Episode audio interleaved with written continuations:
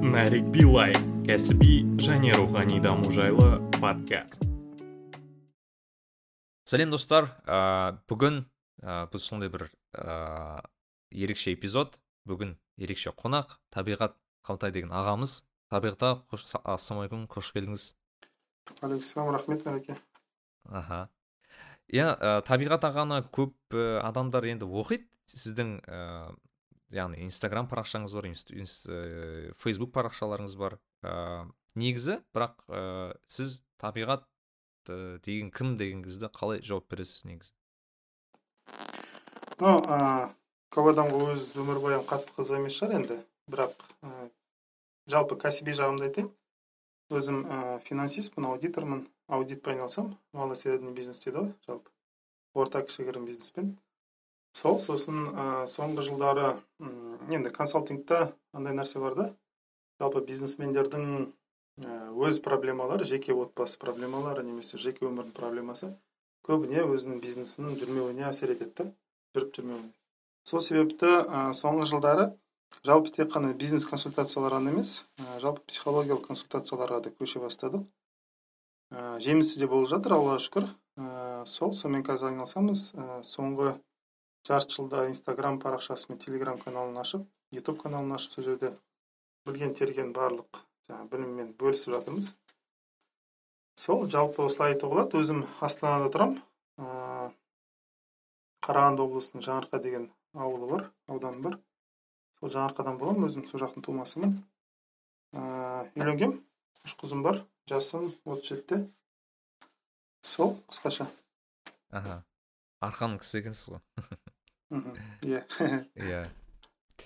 Иә табиғат жалпы мен енді сіздің посттарыңызды оқитын ә, әрқашан өзім репост жасап бүйтіп қызық қызық өздерім қызық жерлерін өзім түртіп алатынмын.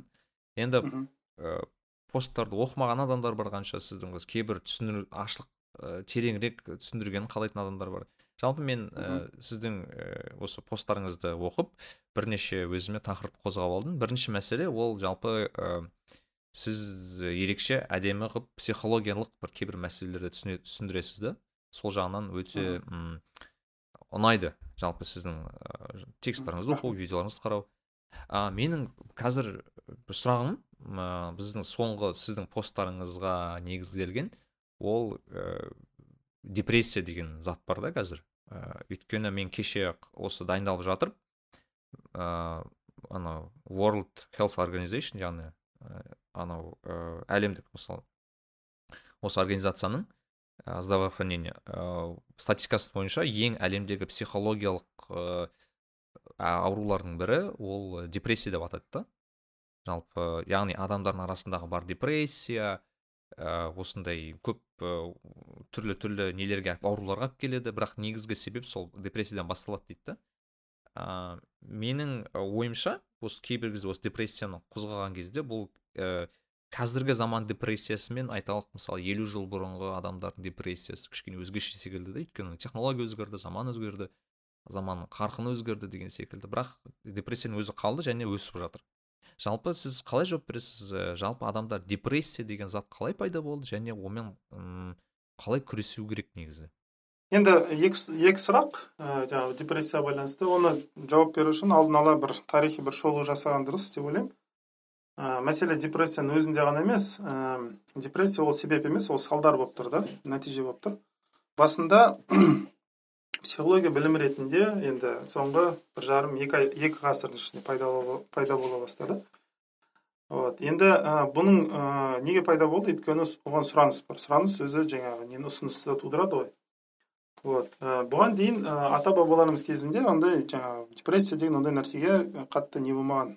Андай феномен болмаған и психологияға деген ондай сұраныс болмаған болмауының себебі мынада бұрын екі үш ғасыр бұрын индустриализация деген нәрсе болмаған адамдар жаңағы табиғатпен табиғи ортада өмір сүріп табиғи өмірлері табиғаттың заңдылықтарымен пара пар келетін болған.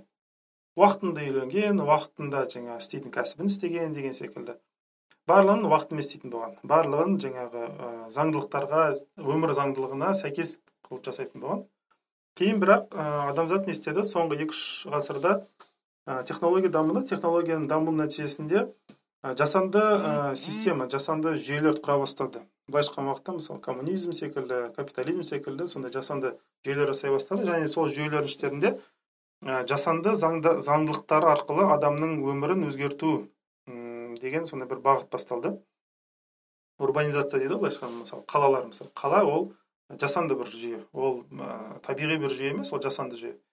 Иә әрине ол керек нәрсе. Жаңағы біз айтамыз мысалы технология дамып жатырмыз бүйтіп жатырмыз сөйтіп жатырмыз деген секілді. Компьютер бар деген секілді. Бірақ мынандай нәрсе бар мысалы бір ә, мысал келтірейін. Ә, телефон деген нәрсе бар иә. Мысалы телефон адам экранға қарайды. Онымен былай неше түрлі әртүрлі өзінің керек нелерін сұрақтарына жауап іздейді деген секілді өзіне керек дүниені жасайды да. Енді бұрын мысалы күн батарда күн батысымен адамдар жататын болған уақытына жататын болған күн атысымен мысалы тұратын болған деген секілді. Ә, мал мысалы да или мысалы жер жыртатын болса мал ұстайтын болса соның артынан жүретін болған. Барлық нәрсе табиғи жүретін. Қазіргі уақытта барлық нәрсе жасанды. Ә, жаңағы телефонмен мысалы түнгі сағат бір екі үшке шейін отыра бере алады. Музыканы нетіп қояды деген секілді. Бір екіншісі адамның өз ішіндегі андай биоритм дейді ғой былайша сол биоритмдарды мысалы биологиялық андай әртүрлі өзгерістерді нелерді бұзып жібердік.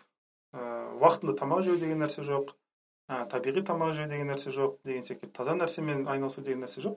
Сол себепті адам өзінің жасанды жүйелерді құру нәтижесінде табиғаттан алыстады. Табиғаттан алыстады бір және де өзінің базовый дейді ғой былайша айтқан уақытта нақтылы өзінің жаңағы ішінде жазылған табиғи заңдылықтарды бұза бастады. Айтады мысалы мен карьера керек дейді анау керек мынау керек дейді мысалы үйленбейді уақытымен бірақ денесі айтып тұр оған үйлену керек адам болу керек жанында деген секілді. Мен мысалы уже андай ұрпақ жалғастыруға дайынмын деп тұр денесі бірақ оны тыңдамайды. Өзінше істейді өзін біледі анау мынау деген секілді. Енді демократ иә жарайды өзін дене игнорировать етеді ғой былайша айтқанда өзін иә игнор жасайды. Нәтижеде мынандай нәрсе пайда болады. Ә, адам жаратылыстан жалпы құдайдың адамның ішіне салған ә, қабілет қасиеттер өте көп өте көп.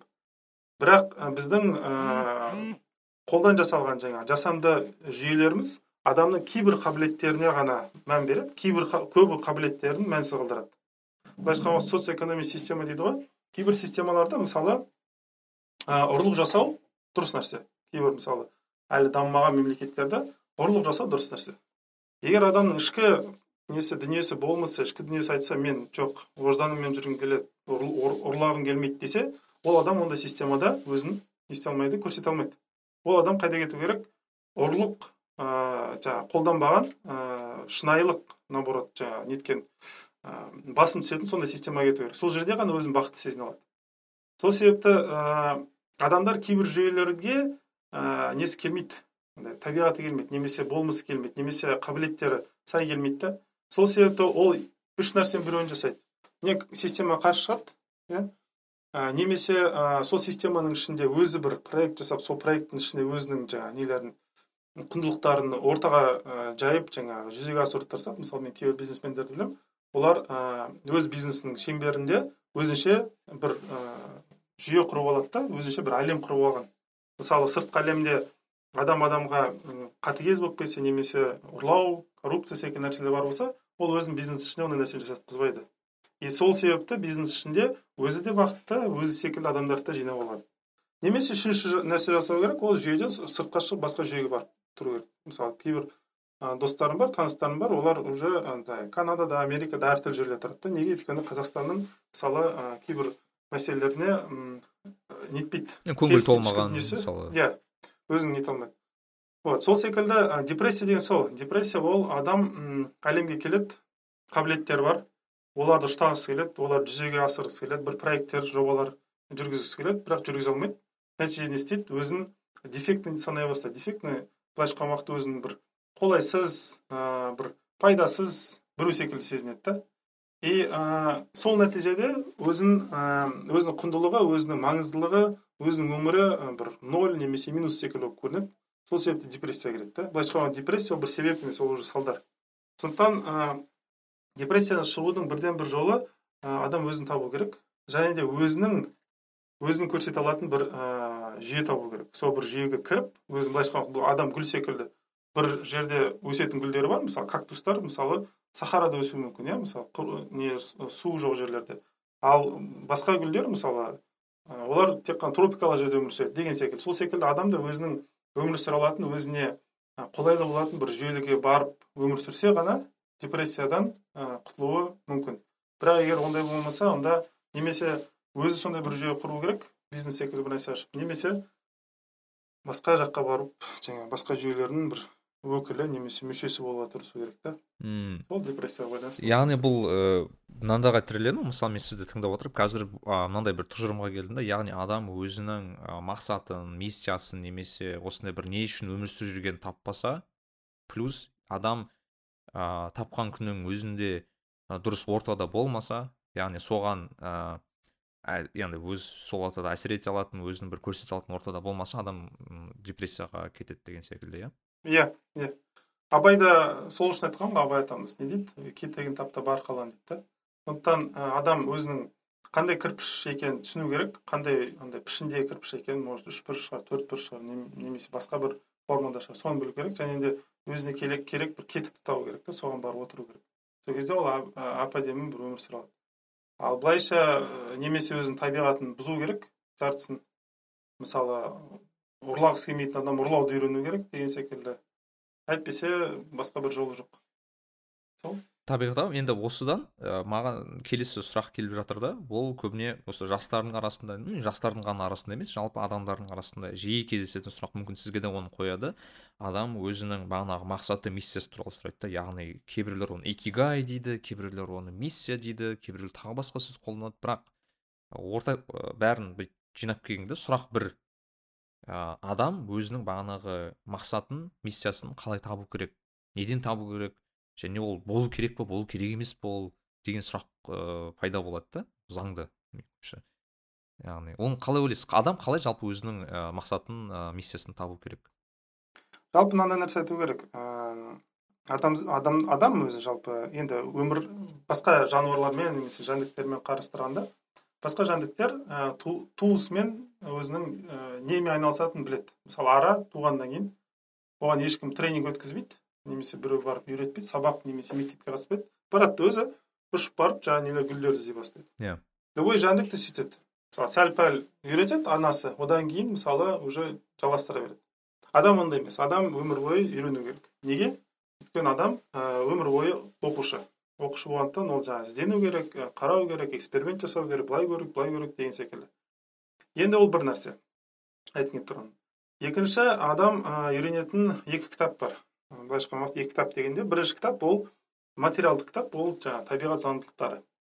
Адам жанындағы жаңағы жан жағында ортаны зерттеу өте маңызды. Неге мысалы жұлдыздар былай жүреді неге планета былай жүреді дегеннен бастап физика химия биологиялық мысалы сабақтарды пәндерді ә, барлық толық ә, детально шейін болмаса да бірақ жалпы білгені дұрыс.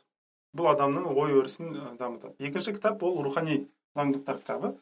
Ә, оны діннен де ал- алуға болады оны жаңа әдептен де алуға болады деген секілді. Ә, осы екі кітапты білсе сол кезде өзін таба алады. Себебі адамдың дене бар және де денеден артық өзінің ақылы бар ой санасы бар рухы бар деген секілді. Осы екі жақты адам тәрбиелей алу керек. Екі жақты жаңа заңдылықтарды білу керек екі жақты қалай іс әрекет ет- ету керек екенін ә, жақсы білу керек. Былайша айтқан уақытта бұл адамның инструкциясын ә, түсіндіреді. Бұл бір. Екіншісі адам егер өзінің өмірін дұрыстап өмір сүргісі келсе осы екі кітаптың екеуін де ұстау керек. Тек қана материалдық кітапты ұстайтын болса мысалы да онда ол материалист болып кетеді ол ә, потребитель болып кетеді ол ә, мысалы даже ә, екі адам қосылған уақытта семья құрған уақытта тек қана байлық жағын ғана ойлайтын болады тек қана материалдық жағын ойлайтын болады қалғанын ойламайды мысалы деген сияқты. Басқалар қолдануды ғана ойлайды деген секілді тек қана рухани жақты қарайтын болса ол онда ол тым абстракциялық әлемге кетіп қалады. Былайша айтқан уақытта андай кейбір адамдар болады ғой ыыы таңертең кешке шейін отырып ешнәрсе істемейді бірақ құдайдан барлық нәрсені күтеді да құдай береді ғой құдай береді ғой бірақ өзі дым істемейді. Не ол өзінше ойлайды мен өте иманды адаммын деп жоқ ол просто еріншек та ол бірақ еріншек екенін мойындағысы келмейді. Сол сондықтан адам екі екі кітапты да ұстау керек. Сол кезде дұрыс алады. Енді екі кітапты ұстаған уақытта оны не үшін айтып жатырмын? Мысалы біз табиғат заңдылықтарын қарайтын болсақ мысалы бір ә, алма ағашын алайық иә?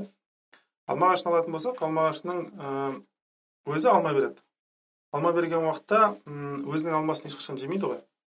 Сол секілді ә, ол алма барады да басқа жәндікке жүреді басқа жаңағы жаратылысқа барып қызмет етеді. Ол жаратылыс өзінің бір жаңағы өмірлік функциясын құрғаннан кейін ә, жүзеге асырғаннан кейін алады да өзі барып басқа бір жәндікке көмектеседі. Бұл табиғи бір не? Цикл дейді ғой былайша природный цикл. Вот. Сол секілді адам өмірде сондай. Адам ә, ешқашан жалғыз өзі бақытты болуы ә, мүмкін деп ойламаймын. Неге? Себебі егер жалғыз өзі мүмкін болса онда ә, үйлену де керек емес еді дос болу да керек емес еді. Бір ә, бірге тұр бір қауым немесе бір қала құру керек емес еді. Адамдар неге қалалар құрады?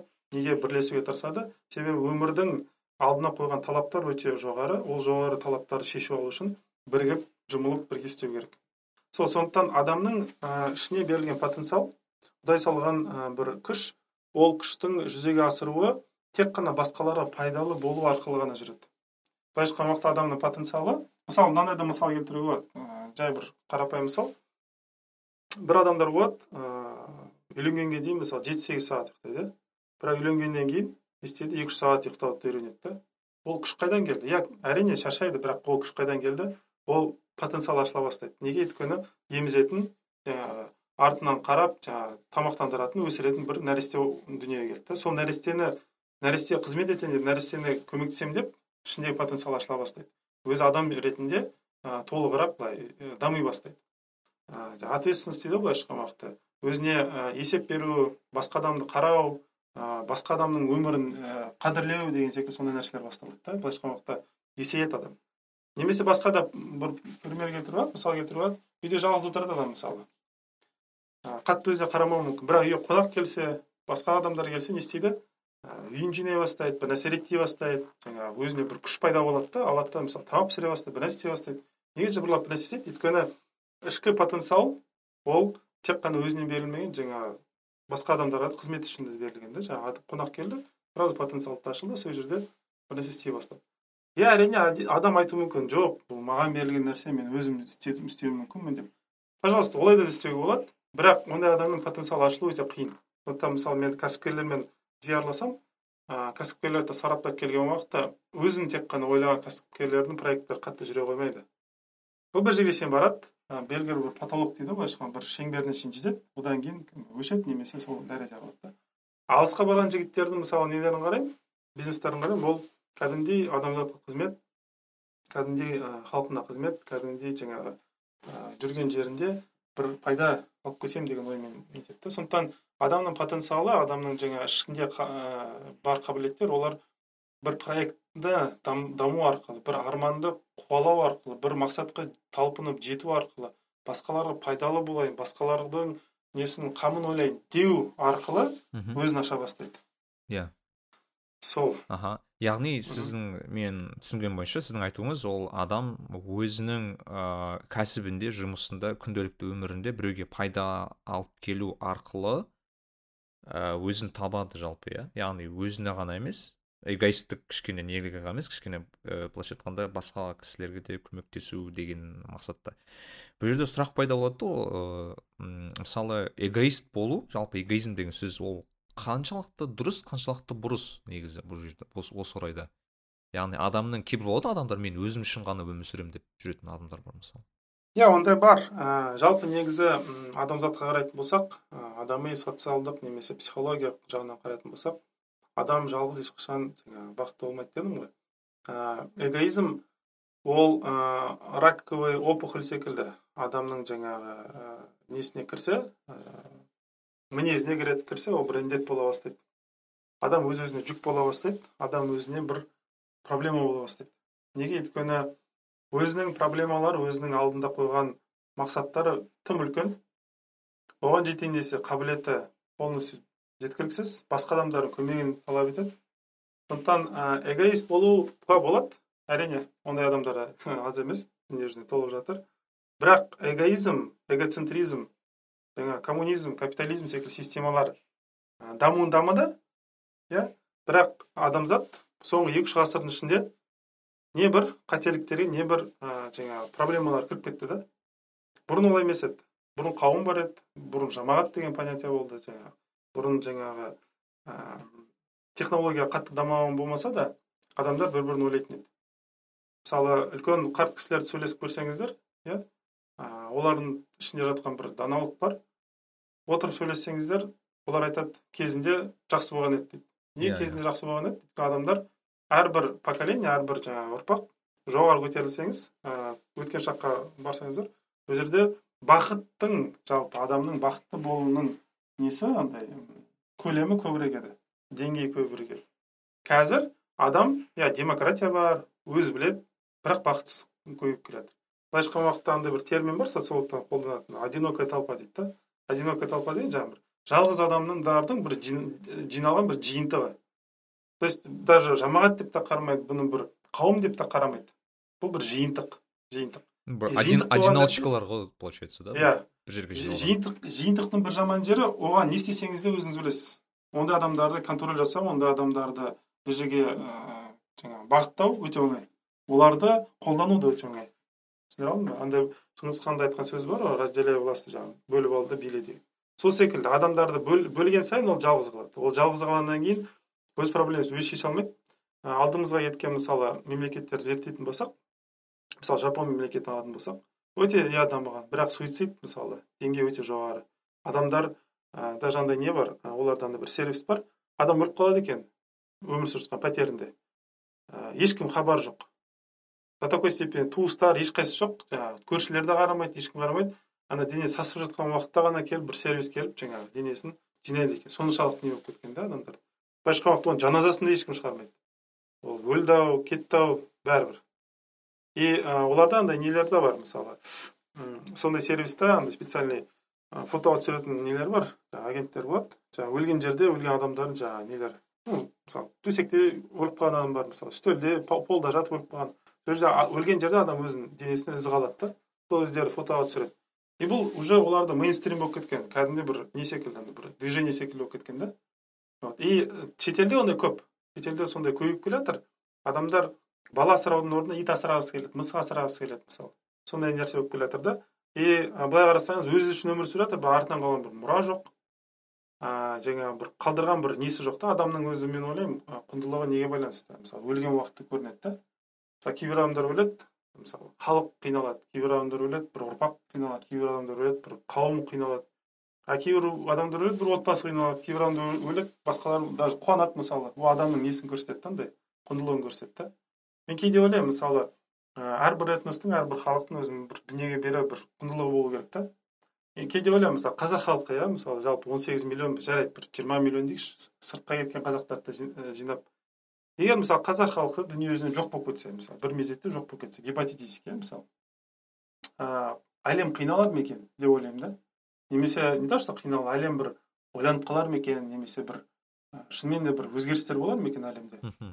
Иә бәлкім бір екен, иә бәлкім бір жаңалықтар да шығуы мүмкін иә мындай мындай бір феномен он сегіз миллион адам жоқ болып кетті ойбай деген секілді сондай бір нәрсе болуы мүмкін бірақ мен ойлаймын бір екі жылдан кейін оның барлығы ұмытылады да кетеді бітті сондықтан ал мысалы қытай халқына қарай мысалы да мысалы қытайлықтар кетсінші жоқ болып кеттік мысалы иә дүние жүзінің жаңағы производствосы жаңағы несі айфонсыз қаламыз компьютерсіз қаламыз көп нәрсе тоқтап қалады америка мысалы нетсін деген секілді иә конечно айтуға болады америка қайда қытай қайда қазақстан қайда деген секілді жарайды қытай қазақстанды алмай ақ қояйық. Басқа да ә, мысалы кішігірім мемлекеттерді алайық мысалы иә? Жерді кішкентай мысалы израиль мемлекеті секілді. Немесе ә, жаңағы Еуро- европалық мемлекеттерді алайық. Ну голландияны алайық мысалы. голландия мысалы Иә. бір ә, алматы облысынан кішкентай жер мысалы. Иә сондай бір мемлекет алайық кетіп қалды мысалы. Біраз нәрсесімен ол мемлекеттің халқы жоқ болып кетсе біраз адамдар мысалы қиналады да. Вот сондықтан мен ойлаймын ыыы бұл құндылық жағынан мысалы маңыздылық жағынан қарайтын болсақ эгоизм иә өмір сүрсе өмір сүрер. Бірақ ыыы жалпы ол бір пайдасы бола ма мен оны біле қоймаймын. Ал егер бұл сұраққа дін жағынан жауап беретін болсақ дін не дейді? Дін былай дейді. Ә, о дүниеге барған уақытта адам жауап береді екен? И жауап берген уақытта кімге не берілді деп сұралмайды ол жақта? Кімге не нәрсе қайда жұмсадың деп сұралады мысалы төрт сұрақ бар дейді ғой. Ә, денсаулығын қайда жұмсадың дейді жаңағы өмірін қайда жұмсадың дейді байлығын қайда жұмсадың білімін қайда жұмсадың дейді да егер адам айтса енді байлығымды өзіме жұмсадым. Айтуы мүмкін иә өзіне жұмсады иә мысалы эгоист болды өзіне жұмсады. Онда сол байлық үшін өзі жалғыз жауап береді да. Әрбір тиын мысалы сығып алады былайша айтқан уақытта сондықтан ә, ал егер екінші мысалы вариант егер басқа адамдар бөліскен болса басқа адамдар айтады маған көмектесті маған көмектесті деп былайша айтқан уақытта жаңағы байлықтың жүгі ол дүниеде барлық адамдарға былай бөлініп беріледі да. Былайша айтқан уақытта дінде ана шапағат деген сөз бар шапағат болады да. И адамның құдайдың алдына жауап беру де оңай өтеді жұмаққа да оңай кіреді да сондықтан дінде де сол үшін айтқан жаңағы бар нәрселеріңді ана бақара сүресінің үшінші аятында айтады мұттақиндар тақуа иелер жаңағы олар дейді жаңағы біз берген нығметтерін бөліскендер дейді сол ә, діннің позициясы сондай бөлісіңдер дейді да ә, біздің ә, социалдық жаңағы жүйелердің позициясы да иә бөлісіңдер бірге болыңдар дейді бірақ ә, оны бір ә, құндылық ретінде қарастырмайды неге өйткені халықтың бөлініп жүруі оны билеуге де оңай. Оған даже бір нәрсе сатуға да оңай. Мысалы допустим кейбір ә, продукттар бар адам сатады. Егер жалпы қауым ретінде мысалы мен америкада тұрғам америкада кошерный деген нәрсе бар. Еврейлердің өздерінің жаңағы қойған бір стандарттары бар. Тамақтарын қараймыз сол жерде ю деген әріп болады кошерный деген сөз. Неге ондай нәрсе жасаған? Өйткені ол емшіл. Емшіл болғандықтан сондай бір стандарт болып қойған то есть өздері жаса өздері жейтін өздеріне халал болып санаған тамақты мысалы болуын қалайды магазинде сол себепті жаңағыдай магазиндер олардан жаңа нету үшін жаңа оларды тыңдайды. Стандарттарға сай болуға тырысады да вот. Енді мынандай нәрсені айтуға болады мысалы енді біз не істей аламыз жалғыз адам не істей алады деген сияқты. Мен өзімнен бір пример келтірген мысал келтірген дұрыс па білмеймін. Бірақ өзім туралы айтқым келіп тұрған жоқ жалпы көрген нәрсені айтқым келіп тұр. Мысалы корея мемлекетінде оқығанда мба оқығанбыз. Сол кезде біздің университеттің жанында андай ә, доңыз етінен жаңағы доңыздың қабырғаларынан ә, тамақ жасайтын бір ә, корей несі бар отбасы бар еді да сол өте жаңағы аты шыққан сондай бір күшті бір кафе еді. Сол жерге барлығы барады жаңағы студенттер де бар басқалар да бар тамақтанады. Әрдайым жаңағы кафенің несі иесі бір әйел корей корей халқының несі өкілі. Қарайды да жаңағы көреді мен тамақ ішпейтінімді. Неге өйткені енді мен ондай нәрсені жемеймін доңыз жемеймін деген секілді. Бір қарайды екі қарайды. Жаңа аңдиды екен мен оны білген жоқпын. Аңдиды екен. Кім не жейді деген секілді. Жаңа енді былайша айтқанда клиенттеріне жағуға тырысады ғой. Сосын біраз уақыттан кейін маған жақындап келіп өзі ағылшынша білмейді ұлын шақырып алып жаңағы ұлы арқылы сұрайды. Ұлы да онша ағылшынша біле қоймайды енді әйтеуір бүйтіп сөйтіп түсіндіріп жаңағы сұрайды екен. Неге сен жемейсің дейді да сосын мен айтамын енді Э, менің нем бойынша жаңағы жеуім ол қиындау деймін да. Ә, өйткені мен дін ұстанамын андай мұсылманмын деген секілді бұл менің дініме жат нәрсе деймін да. Сосын сұрайды ол не дін? Анау мынау деген сияқты. Мен айтамын вот ислам деген дін бар деген сияқты. А деп қояды сосын ә, бір уақыттан кейін иә сол әңгіме бітті кеттім. Келесі келгенде менен сұрайды сен не жейсің дейді. Жалпы сен дініңде не жеуге болады дейді да? Мен айтамын вот морской нәрсені жеуге болады судан шыққан нәрселерді жеуге болады деп. Осылай да осылай мысалы пісірілсе онда жеймін да. А так басқа нәрсе жей қоймаймын деп. Сосын ол маған айтады а онда мен саған осындай нәрсені дайындаймын дейді да. Менюсында жоқ мысалы да иә. морской нәрселерді пісіре бастайды жаңағы. О. То есть арнайы жаңағы не алып келіп тек қана маған бөліп жаңағындай андай осьминочный суп сондай нелер болады өздері жасайтын бір не сорпалар. Соны жасай бастайды да мысалы. Сосын бір уақыттан кейін жаңағы бір энциклопедия сатып алады діндер энциклопедиясын. Сол жерде маған бетті ашып қояды бүйтіп қағбаның суреті бар екен. О қаба қаба деп жаңағы енді өзін тілі келгенше айтып жатыр да. Ислам ислам деп қояды маған. Сөйтіп бүйтіп жаңағы нетеді кейін мен оны ыыы корейше жаңағы ана деген сөз омма деп аталады айтады да. Мен оған омма деп кеттім в общем жалпы айтқан уақытта өзі ұлына қарағандай қарады да мысалы. И өте дән ризамын ол кісіге. Біраз нәрсені жаңағы талқылайтынбыз. Кейін ол ағылшынша да үйрене бастады менімен сөйлесемін деп сөйтіп. Мен де онымен сөйлесіп бүйтіп сөйтіп жаңағы мен ислам туралы айтамын ол өзі христиан дін өкілі ол христиан туралы айтады жаңағы. Бір бірімізбен сөйтіп диалог құратынбыз біраз сөйлесетінбіз. Енді корей ә, мемлекетіне кет, кетіп бара жатқан уақытта біраз жылады енді құшақтап келесің ғой иә келесің ғой деп мен айтқанмын енді уәде беріп. Иә келемін келемін бірақ өкінішке орай уәдемді әлі ұстай алла жазса бір барып қайтамын деген сондай бір ойым бар. Но бұл мысалда айтқым келген нәрсе сол адам ә, егер шынымен де қаласа жүйені өзгертуге болады. Ә, главное өзінің бір құндылықтарын ә, сол жүйенің астына езілгенін бермесе и өзіңді түсіндіре алса мен осындаймын деген секілді. Нарик билай. Сіздікі қызық екен мынау осы кәріс осы халықтың болған жағдайы өйткені мысалы бізде кейде болады ғой анау мысалы бір жігіт ішпейді мысалы арақ ішпейді алкоголь ішпейді бірақ мысалы ішетін ортаға болады да бір түрлі өзін кетейін десе кете алмайды тұрайын иә. десе аналар не дейді деп айтады сөйтіп бүйтіп тұрады ғой кейде айтамын ыыы мен өзім енді көп отыра алмаймын мен енді мысалы менің өзім андай лайфхакым мен айтайық бір он он бес минут отырамын да айтарымды айтамын да кетіп қаламын да өйткені мен білемін өйткені маған жарасатын бір әңгіме болмайды бұл жерде деген секілді. А көп негізі адамдар олай істей алмайды да өйткені қиын да өйткені ну ағалар отыр не дейді деген секілді. Ол да құндылыққа ә, тірелетін секілді соңында бәрі. Енді бұл ыыы мынандай нәрсені айтайын ашық. Бұл жалпы қазақ халқының бір проблемасы. Өкінішке орай мынау отаршылдықтан саясатынан бір бір ғасырлық почти.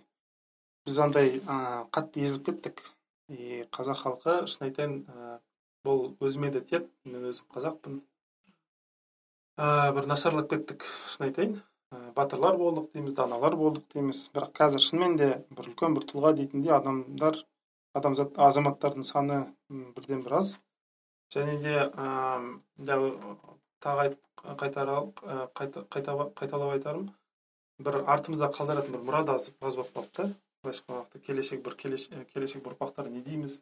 Олар да бәлкім бізге бір отыз жиырма жылдан кейін бір айтар е бар еді біреулер не болды соларға? деген секілді тарихта қалдырады. Бір нәрсеміз бар ма? деп те кейде ойлаймын. Бір жұрдай қалдық енді былайша айтқан уақытта сол сондықтан ыыы енді бірақ бұған қайтадан қайтуға болады. Қайтадан батыр да болуға болады қайтадан жаңағы аяққа да тұруға да болады. Бірақ енді конечно бұл ыыы эгоизм арқылы емес басқа адамдардың қамын ойлау арқылы бір. Екіншісі адам өзінің құндылықтарын ыыы қорғауды үйрену керек. Неге өйткені өзінен басқа ешкім керегі жоқ адам. Былай ашық айтатын болсақ бұл эгоизм туралы айтып тұрған жоқ бірақ шынымен де мысалы адам қатты қиналған уақытта басқалар не дейді маған қатты маңызды емес. Егер ешкім мені түсінбей жатса мысалы да басқалар не дейді не істейді қатты маңызды болмайды да. Егер мен қатты қуанып жатсам басқалар не дейді не істейді ол да маңызды емес. Былайша айтқан уақытта адам ә, түсіну керек. Дүниеге жалғыз келеді и дүниеден жалғыз өтеді жалғыз жерге барып жатады. Сол сондықтан иә істейтін істейді. Ұрпақ қалдыруға тырысады жары да болады туыстары да болады ата анасы да болады деген сияқты. Бірақ адам ыыы түбінің түбінде келген уақытта жалғыз өмір сүреді да. Сондықтан өз өмірін өзі жауап береді. И қазақ айтпақшы әр қой өз сирағынан асылады демекші. Өзіне жауап беруді үйрену керек. Тем более еркек болса тем более болу керек. Әйел болса ол да болу керек. Өйткені әйелдің намысы да бір халықтың намысы. Сол сондықтан әркім өзінің жаңағы құндылығын ие болмаса басқа ешкім келіп бүйтіп басына сипап ондай нәрсе істей қоймайды да иә бұл да бар қазіргі өзі жандан жандандыру керек заттардың бірі шығар бағанағы халықтың өзінің бір самосознание дейді кейде басқа дейді бұл өте керек зат ыыы табиғда мен бірде сіздің посттарыңызды оқып қалып бір өте бір эмоционалды пост таптым да ыыы ол анау орысша жалеть себя деген бар сондай бір не не жалейте себя деген бір сондай бір месседж болды да сол жерде. Бүйтіп оқысам и менің жеке бүйтіп оқыған кездегі нем ыыы ойладым сол ойладым бір мынау мынау тексттің өзіне бір белгілі бір әсерінің ішінен жазылған бір текст ау деген ой кетті да өйткені ыыы бағанағы призыв дейді ғой айтқанда шақырулар көп та енді адам өзін етпеу керек тағы басқа. Жалпы осы текстті айтып түсіндіріп бұл неге қайдан пайда болған ой жалпы неге адам өзін былайша айтқанда жалеть етпеу керек? Енді ә, былай айтайын ыыы былайша айтқан уақытта маған әртүрлі адамдар келеді консультацияға. Менің посттарым сол консультацияға келген адамдарға бір демеу бір үндеу секілді нәрсе да өйткені бір адам келер бәлкім бірақ ол, ол кісідегі ол адамда болған ауру келмеген жүз мың адамда бар да ол. Сондықтан бір постпен мен жаңағы оқып жүрген мыңдаған адамдарға жаңағы көмек болсын дегенім ғой. сондықтан посттар жазамын. Адамдар да шынымен де комментарий жазады. Осы постты мен өзім көріп тұрмын. Рахмет сізге деген секілді сондай.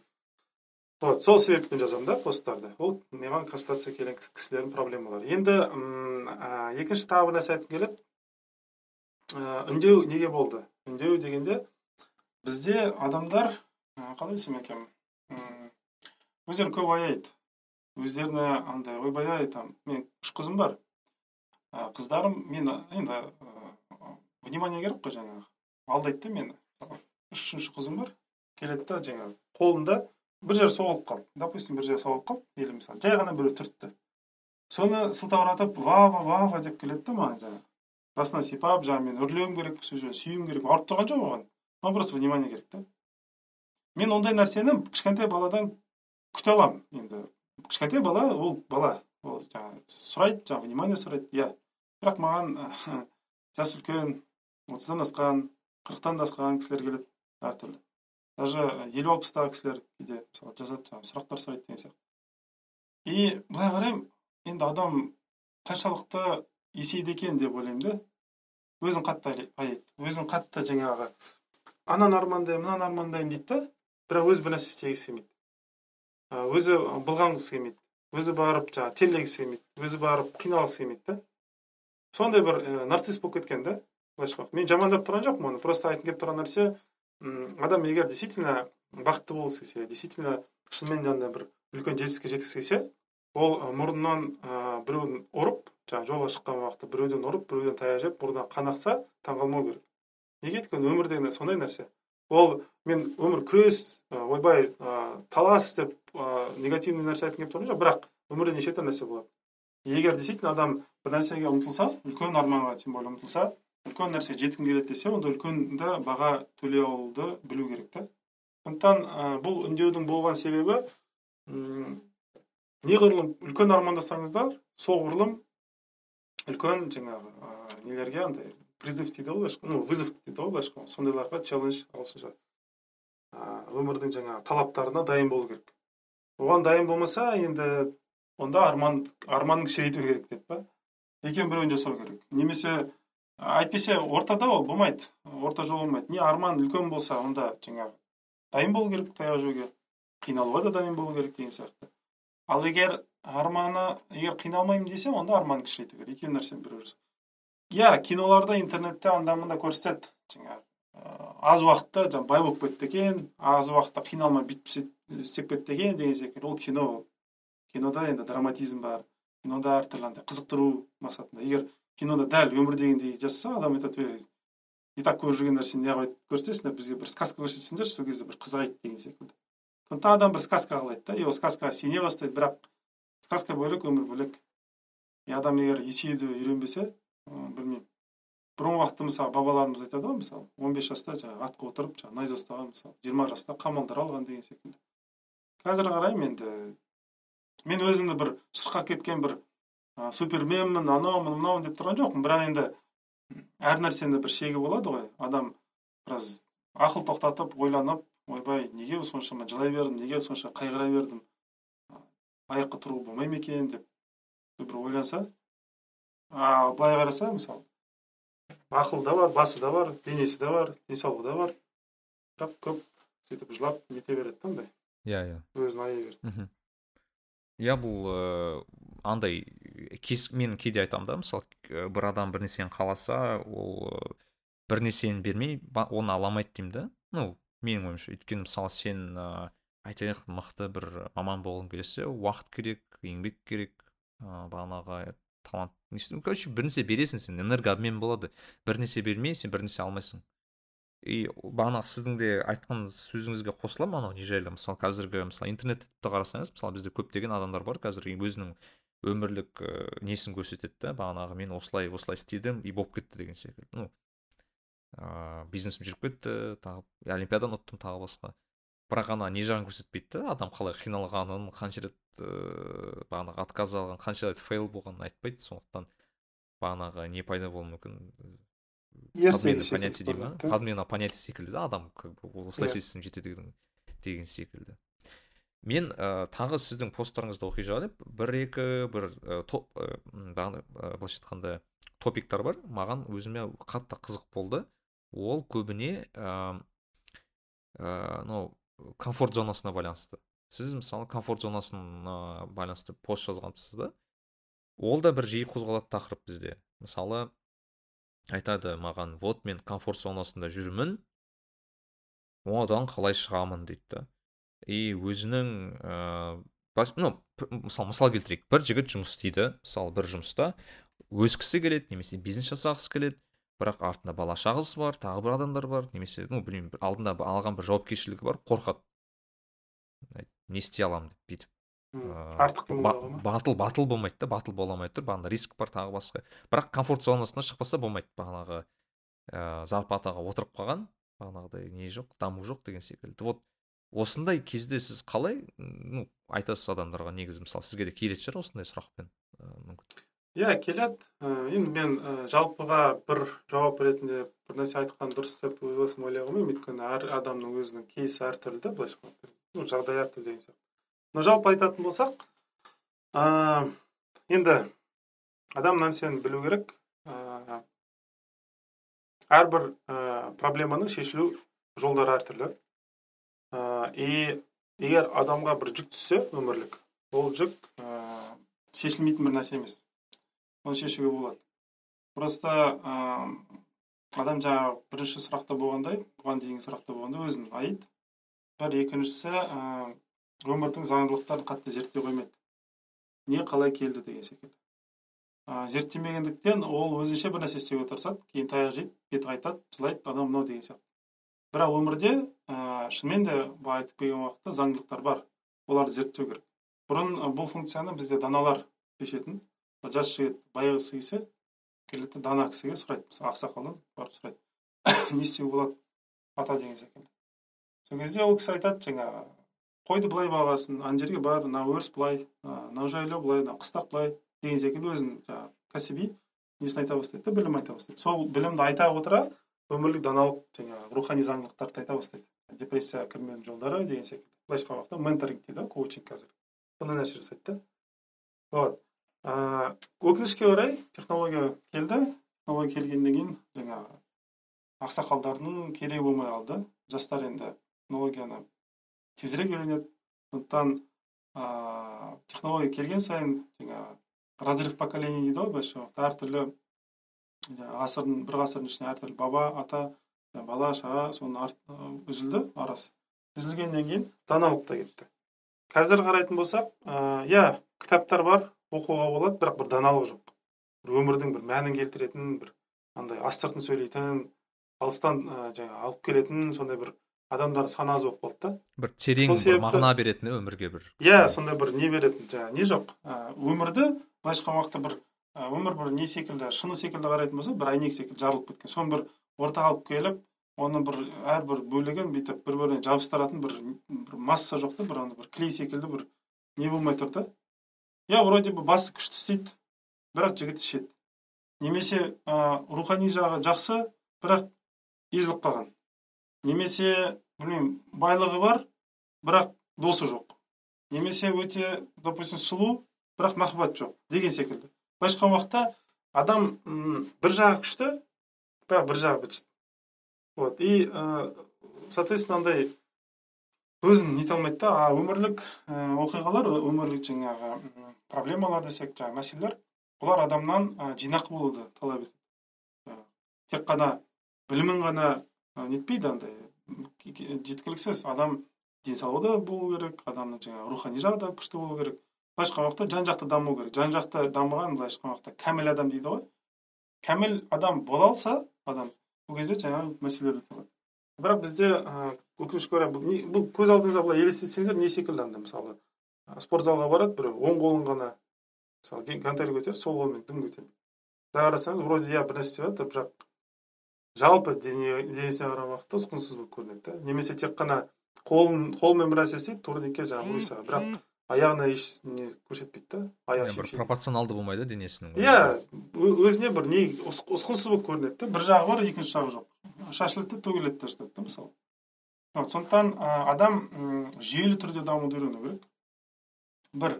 Екіншісі өмірде ә, қалай десем екен? Барлық нәрсе соншалықты жаман нәрсе емес. Соншалықты бір үмітсіздікке алып баратын бір утопиялық бір нәрсе емес. Бас нетіп кететін нәрсе емес.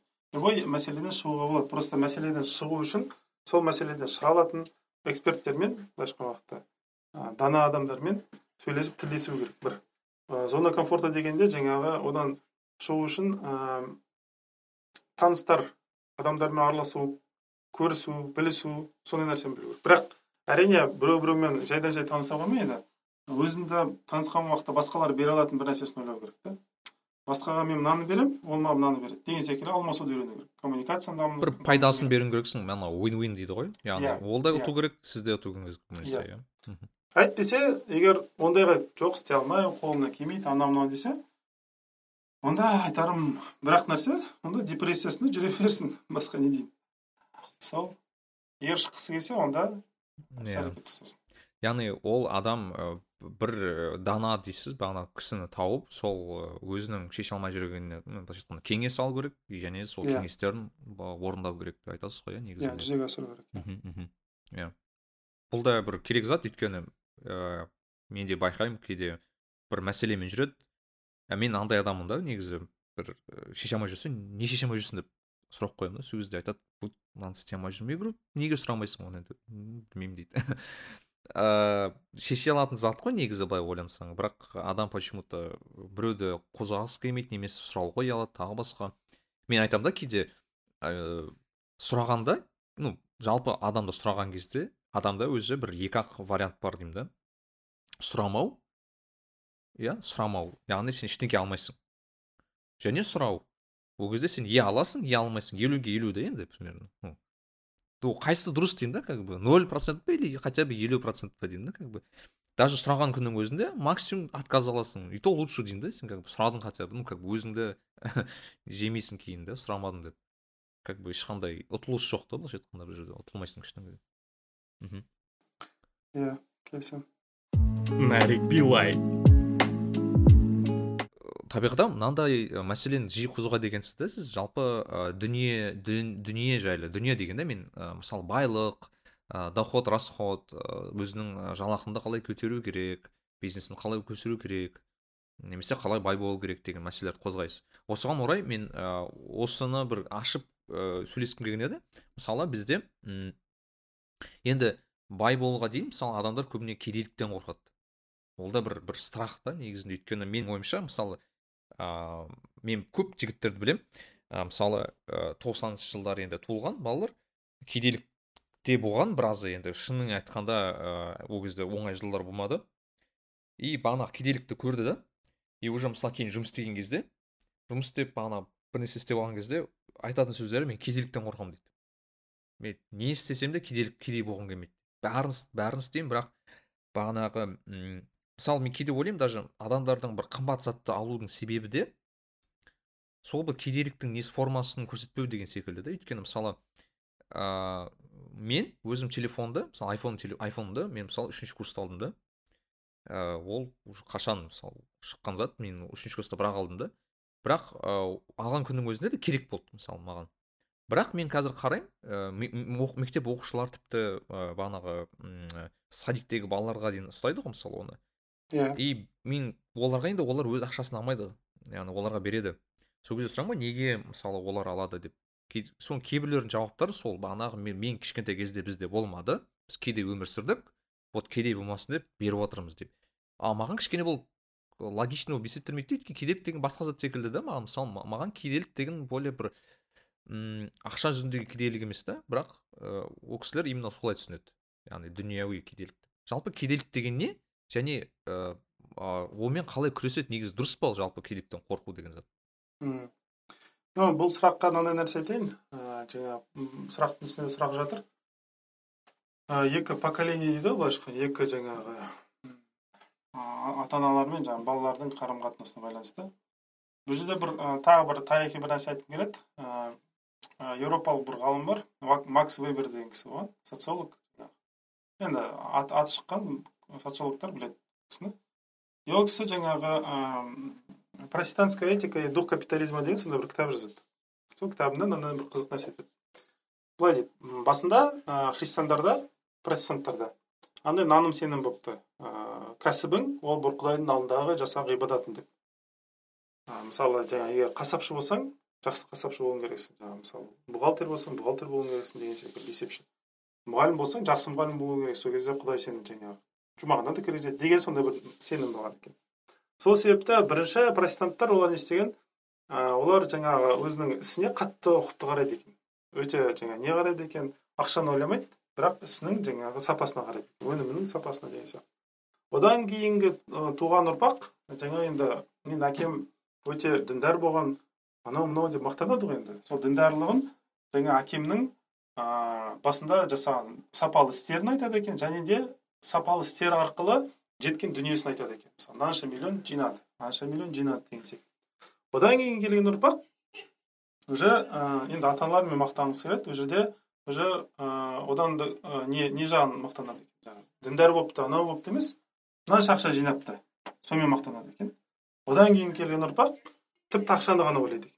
Былайша айтқан уақытта мақтаныш ретінде біз мысалы айтамыз ол бабаларымыз батыр болды деген секілді. Сол секілді олар айтады екен жаңағы менің бабаларым бай болған деп и сөйтіп капитализм туған дейді да мысалы өзінің жаңағы еңбегінде сөйтіп жазады сол секілді егер ә, бір ұрпақтан екінші ұрпаққа істеген істің мағынасы ә, түсіндірілмесе ол істің ә, қаңқасы ғана қалады бірақ ішкі жаңағы содержание мазмұны жоқ болып кетеді. Сол секілді ата ана да біздің енді қазақтарға келетін болсақ ата ана да айфон берер алдында ол айфонды қалай қандай термен қандай еңбекпен қандай қиыншылықпен келгенін бірінші соны түсіндіру керек та. Содан кейін ғана жаңағы қазақ халқының балалары да түсіне бастайды. Не үшін айфон алынған әйтпесе ол потребитель болып кетеді ол келеді қолданады кетеді. Мысалы түріктерге қарайтын болсақ түріктерде мынандай бір қызық нәрсе бар турцияда. Бір миллионнан астам жаңағы абитуриент бітіреді әрбір жыл. Ең күшті деген уақытта жаңағы университеттері турцияның. Үш жүз мың ба сондай бір студент қана кіргізе алады екен. Енді бұл ескі статистика бірақ қазірдің өзінде де барлығын кіргізе алмайды сондықтан түріктер біледі оны и ә, баласының университетке түсіп түспеуі өте қиын. Сондықтан ә, түріктер жетінші сегізінші сыныптардан бастап баласын жаңа өз өмір сүретін жаңағы тұратын қаласының бір жаңағы көшесінде жаңағы бір кафеге немесе бір отельге барып жаңағы көмекші қылып жұмысқа салып қояды екен. Ол бала жаңағы жерде қызмет етіп жүреді жаңағы ақша жинайды тиын тебен жинайды. Сөйтіп кәсіп жасауды ақшаның құндылығын түсінуді еңбектердің жаңа не екенін жаңа сезінеді. Иә тиын тебен алып келеді үйге бірақ сезіне бастайды. Кейін кәсіп жасаған уақытта ол еңбектің несін ақысын біледі. И бір нәрсе алар алдында да ойланады. Мынау маған шынымен де керек па? Бұл қандай жолмен келді? Қалай кетті? Не істейді? Бұл мені қалай өзгертеді деген секілді сондай ойлар ойлай бастайды да.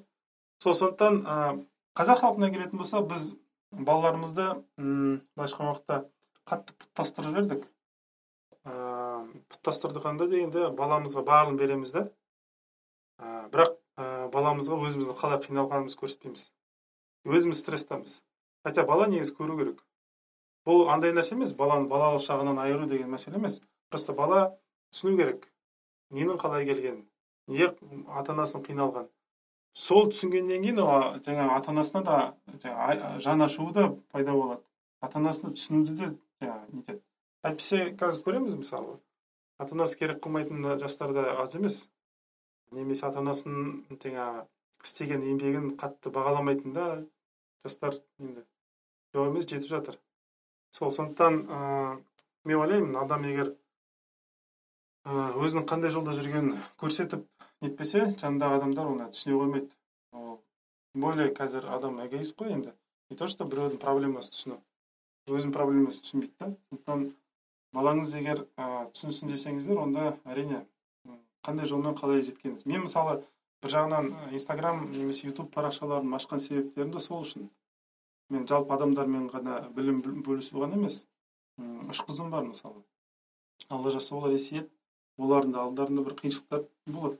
Сол кезде олар бір білгісі келеді ғой әкелері не істеді екен аналары не істеді екен бұл проблема қалай шықты екен кезінде не болды екен қазір не болып жатыр деген сияқты. Сондықтан мен бұл жазып жатқан нәрселер негізі о баста өзім балаларыма арнап жазып жатырмын да. Просто мынандай ойлағанмын бұл кітап кітап ретінде жазып кейін балаларыма қалдырамын ба деп ойлағанмын кейін ә, мен танитын жаңағы ә, кісілер достарым жаңағы жақындарым айтты да енді бұл нәрсе тек қана балаңа емес басқа адамдармен де бөлісейші қиын емес қой дегендей. Сосын бөлісе бастадым бір байқадым адамдар ұнайды екен сол енді ұнаса әрине мен де қуанамын. Сол сондықтан ыыы баласымен бөліскен дұрыс деп ойлаймын. Иә. Сол. Бұл да бір негізі керемет мотивация. Мен мысалы бір ә, данияр деген досым бар. Осы кітап жазғанда осы түрлі түрлі осы енді сол ыыы өзін өзі дамыту бағысын бағытында жазылған кітап. Негізі бірақ ә, сол жазған кезде өзі айтады мен өзім балама арнап жазғаным дейді да о баста бірақ енді баласы кішкентай. А кітапты уже шығарып қойды то есть э, өскен кезде оқиды ау деген бір несімен шығарған да яғни айтады да егер ә, бір дүниені жасаған кезде менің балама немесе тағы бір кісіге арнап жасалсаң бір ерекше бір ә, не пайда болады екен дейді да қалай айтсам екен андай бір ә, отношение өзгереді ана қарым қатынас өзгереді дейді да ол өйткені сен білесің ғой сенің ең жақын адамдарың оқиды кейін бір пайдасы болу керек деген секілді. Ол рас Иә. толықтай келісемін. Ал мысалы сіз ә, посттарда тағы мынандай мәселені қозғағансыз да бағанағы ә, жалақыны өсіру яғни мысалы бай болу дейсіз. Яғни адам ә, айтайық бір белгілі бір уровеньде жүр иә? Мысалы бір айтайық бір жігіт там үш жүз мың бес жүз мың теңге алады бірақ айтады бір өспейді дейді мысалы мен жасаймын істеймін тырысамын бірақ не істеймін өспейді оның артынан девальвация келеді оны құртады.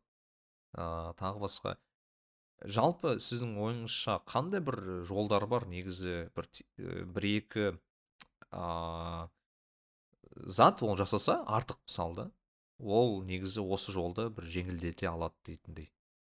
Қалай ойлайсыз? Ә, жалақысын көтеру мәселесі ма? Жалпы жалақы өзінің бір анау бір сөз бар ғой мысалы финансовый тәуелсіздік А, дейді ғой қаржылай иә. тәуелсіздікке келу керек та адам сол маңызды қаржылай тәуелсіздік дегенде адам жалақыға жұмыс істесе қаржылай тәуелсіздікке жетуі мүмкін деп айтпас едім тоқсан сегіз процент тоқсан тоғыз процент оқиғаларда жете алмайды. Егер бір Иә, IT немесе дантист мамангері сондай бір особый бір не специалист болмаса иә неге өйткені жалақыға жұмыс істеген уақытта иә адам жалақыға жұмыс істегенде өзінің уақытын ақшаға айырбастау мәселесі ғой. Енді бұл жерде қа- қарау керек өзінің жаңағы уақытын айырбастайды ол уақытын қымбатқа айырбастау керек та. Егер айырбастаған уақытта егер қымбатқа емес орташа немесе бір аздау бір ақша айырбастайтын болса онда өзіне бір айтарлықтай бір үлкен дүние жинай алмайды. Бұл бір. Сондықтан ә, мамандығына байланысты. Егер мамандығы шынымен де востребованный өте не болса онда болады. Ал жалпы жалпы адам жаңағы ә, ақшалай қаржылай бір тәуелсіздікке жете алу үшін иә ол үшін өз ұйықтап жатқанда да ақша табуды үйрену керек. Американецтер айтқан сөзі бар. Сондықтан ә, сондай бір бизнесі болу керек сондай бір кәсіптері болу керек онсыз жұмыс істеп тұра алатын онсыз жаңағы ақша та- тауып тұра алатын. Әйтпесе ұйықтағанда да ақша тауып беретін иә? Иә ұйықтағанда да ақша тауып беретін. Ол бір білмеймін бір қазақстан ішінде болатын бір кәсіп бола ма сыртында болатын кәсіп бола ма онлайн кәсіп бола ма офлайн кәсіп бола ма? Енді оның өзінің жаңағы икеміне қарай жаңағы сұранысқа ба- байланысты қабілетіне қарай өзі бір шешу керек та. А так адам егер тек қана уақытын ақшаға айырбастаумен ғана өмір сүретін болса онда ә, қатты армандамай ақ қойсын деп айтар едім. Енді біраз қаттылау айттым но шындық сондай да. Вот. Сондықтан как то осылай.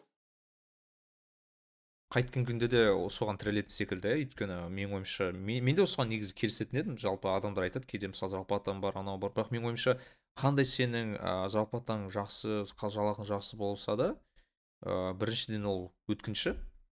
Енді сен қазір ә, сұраныстасың кейін құдай біледі. Ә, мысалы кейбір ә, нарықтар жолып кетуі мүмкін иә мысалы бар нарық ауысып кетуі мүмкін. Сен өзің құдай сақтасын саған бір нәрсе болуы мүмкін. Ә, иә иә әрине. ешқандай гарантия жоқ деп айтамын да. Сондықтан ә, адам даже мысалы мен кейде айтатынмын мысалы студенттер студенттерге мысалы кездесесің немесе мен сабақ берген кезде айтатынмын да даже мысалы қолда бар ст- стипендияларыңды ә, ә, жаратпай е, барынша инвестиция жасауға тырысыңдар аз болса да дейтін да ә бұл кішкене аз ақша болуы мүмкін басында. Бірақ ә, бұл ақшада емес мәселе бұл ә, бағанағы привычка дейді ғой. Дағдының пайда болуына көрсетеді яғни сіздің бір бір ақшадан екінші ақша жасау. Жалпы негізі таки осы қалай ойлайсың мысалы бұл ше жалпы мұсылман адамдарда бар зат қой. Мысалы қараңызшы бұрында сахабаларды қараймыз немесе басқа кісілерді үлкен ірі ірі адамдарды қараймыз. Басым көпшілігі негізі кәсіппен айналысқан да.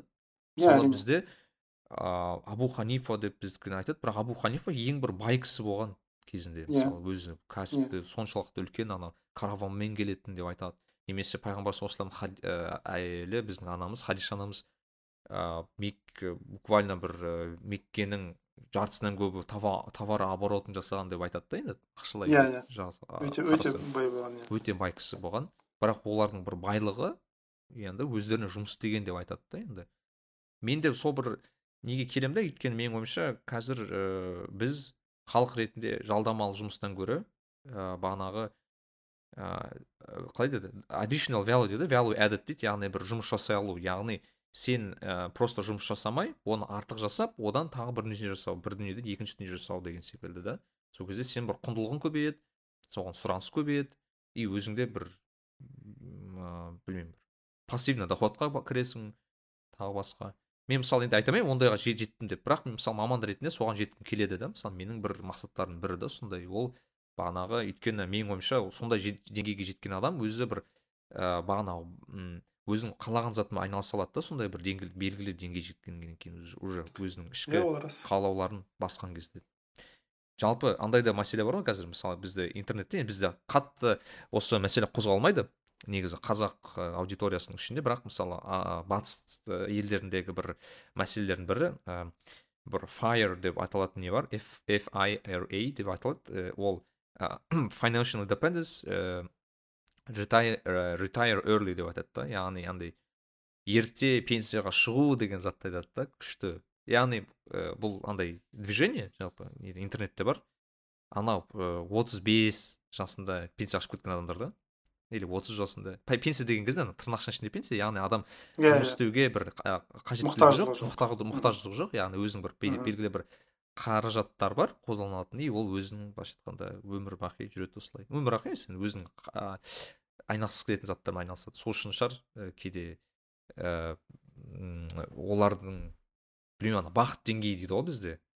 Байқайсыз ба мысалы бақыт деңгейі деген кезде мысалы даже отчеттарды қарасаң көбінесе батыс скандинав елдері бақытты ел индекстері өте жоғары болады да. Хотя парадокс та мен үшін. Өйткені мысалы сіз бағана ә, эгоизм туралы сөйлестіңіз да. Мысалы а, мысалы мен голландияда тұрамын.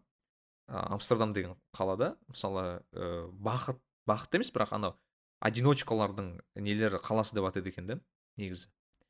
Ә, жалғыз адамдардың қаласы деп айтатын бір себебі бар екен. Бірақ почему то сол бағана статистика бойынша бұлар бұлар сондай типа бақыт көрсеткіші жағынан өте жоғары дейді да соны білмеймін статистикасы дұрыс есептелмей ма біз үшін или бақыт деген заттың өзін дұрыс түсінбейміз ба? Ол әр, әркімнің өзінің бақыты әртүрлі ғой. Біреуге мысалы пиво бақыт болса біреуге қымыз бақыт деген секілді ғой. Бірақ ә, енді санағанына да байланысты мысалы егер запад жаңағы бастысын елде санаған болса әрине өздерін бақытты қылып көрсетуге тырысады ғой енді. Ол өтірік емес. Бірақ бұл жерде мынандай нәрсе де бар. М жалпы алған уақытта м мысалы мұсылман дейміз иә? Немесе жаңа мұсылман емес иманды имансыз деп сөйтіп адамдар бөледі ғой. Қазіргі мұсылмандардың жалпы проблемасы мынада. Аты бар заты жоқ. Былайша айтқан уақытта мұсылман болып есептелуі мүмкін. Бірақ бойында имансыз адамның қасиеттері көп та. Мысалы қысқаша айтатын болсақ түске шейін ұйықтайды еріншек жаңағы өзіне қарамайды өзіне есеп қисап бермейді деген секілді сондай нәрселер. Алдайды өтірік айтады. Аузына құдайдың есімі түспейді бірақ алдап кетеді деген сияқты. Ондай нәрсе көп. Адам имансыз болуы мүмкін бірақ бойында иманды адамның қабілеттері қасиеттері болуы мүмкін. Сөзінде тұрады жұмысын істейді дағдылы жаңағы жүйелі жаңағы проектісін дамытады деген секілді. Аты жоқ бірақ заты бар. Өмір жалпы эйнштейннің бір айтқан бір сөзі бар бұл өмірде дейді зат ат жүрмейді зат жүреді дейді да. Сондықтан адам атына сай емес затына сай қарым қатынаста болады. Өмірде де солай ғой мысалы адам біреумен бизнесқа кіремін партнер боламын десе егер қанша жыл ол намаз оқыса да қанша жыл қажылыққа барған адам болса да маған бір тиері көп нәрсе емес одан. Мен маған маған бәрібір ол қажылыққа барды ма намаз оқи ма? Егер ә, бизнеске байланысты немесе кәсібіне байланысты істі дұрыс істейтін болса онда онымен жұмыс неге істемеске ал егер адам ә, наоборот керісінше мысалы еш жаңағы дін, діндарлығы жоқ еш жоқ бірақ жұмысын жақсы істесе ондай адаммен жұмыс істегім келеді былайша айтқан уақытта ә, бізде ә, енді біз мынандай нәрсені де білу керек. Ә, сопылардың ұрпағымыз ғой енді. Бізде андай духовный мышление деген нәрсе бар. Рухани ойлау жүйесі десек те болады.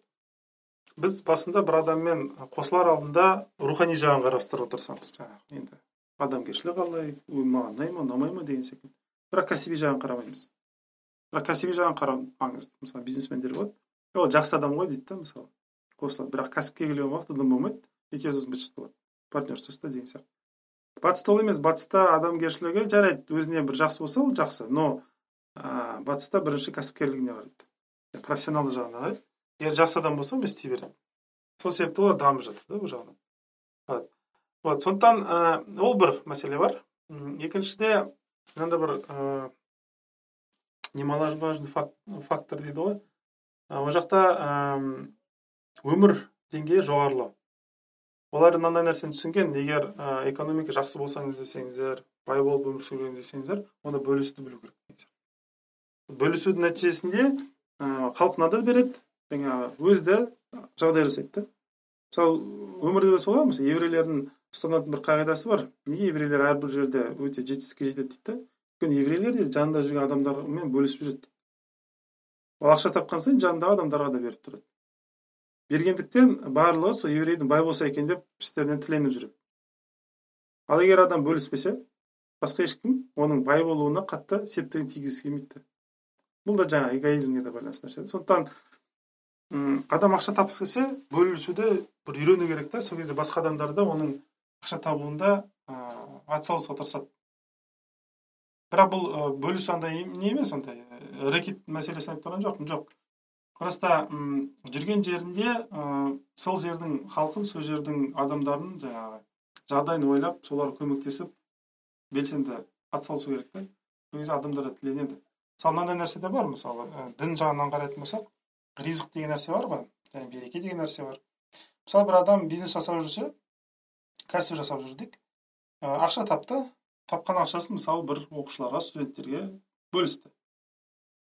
Егер бір экономикалық немесе басқа бір андай құлдыраулар кризистер болатын болса ол адамның бизнесін алла тағала алла жазса қорғайды.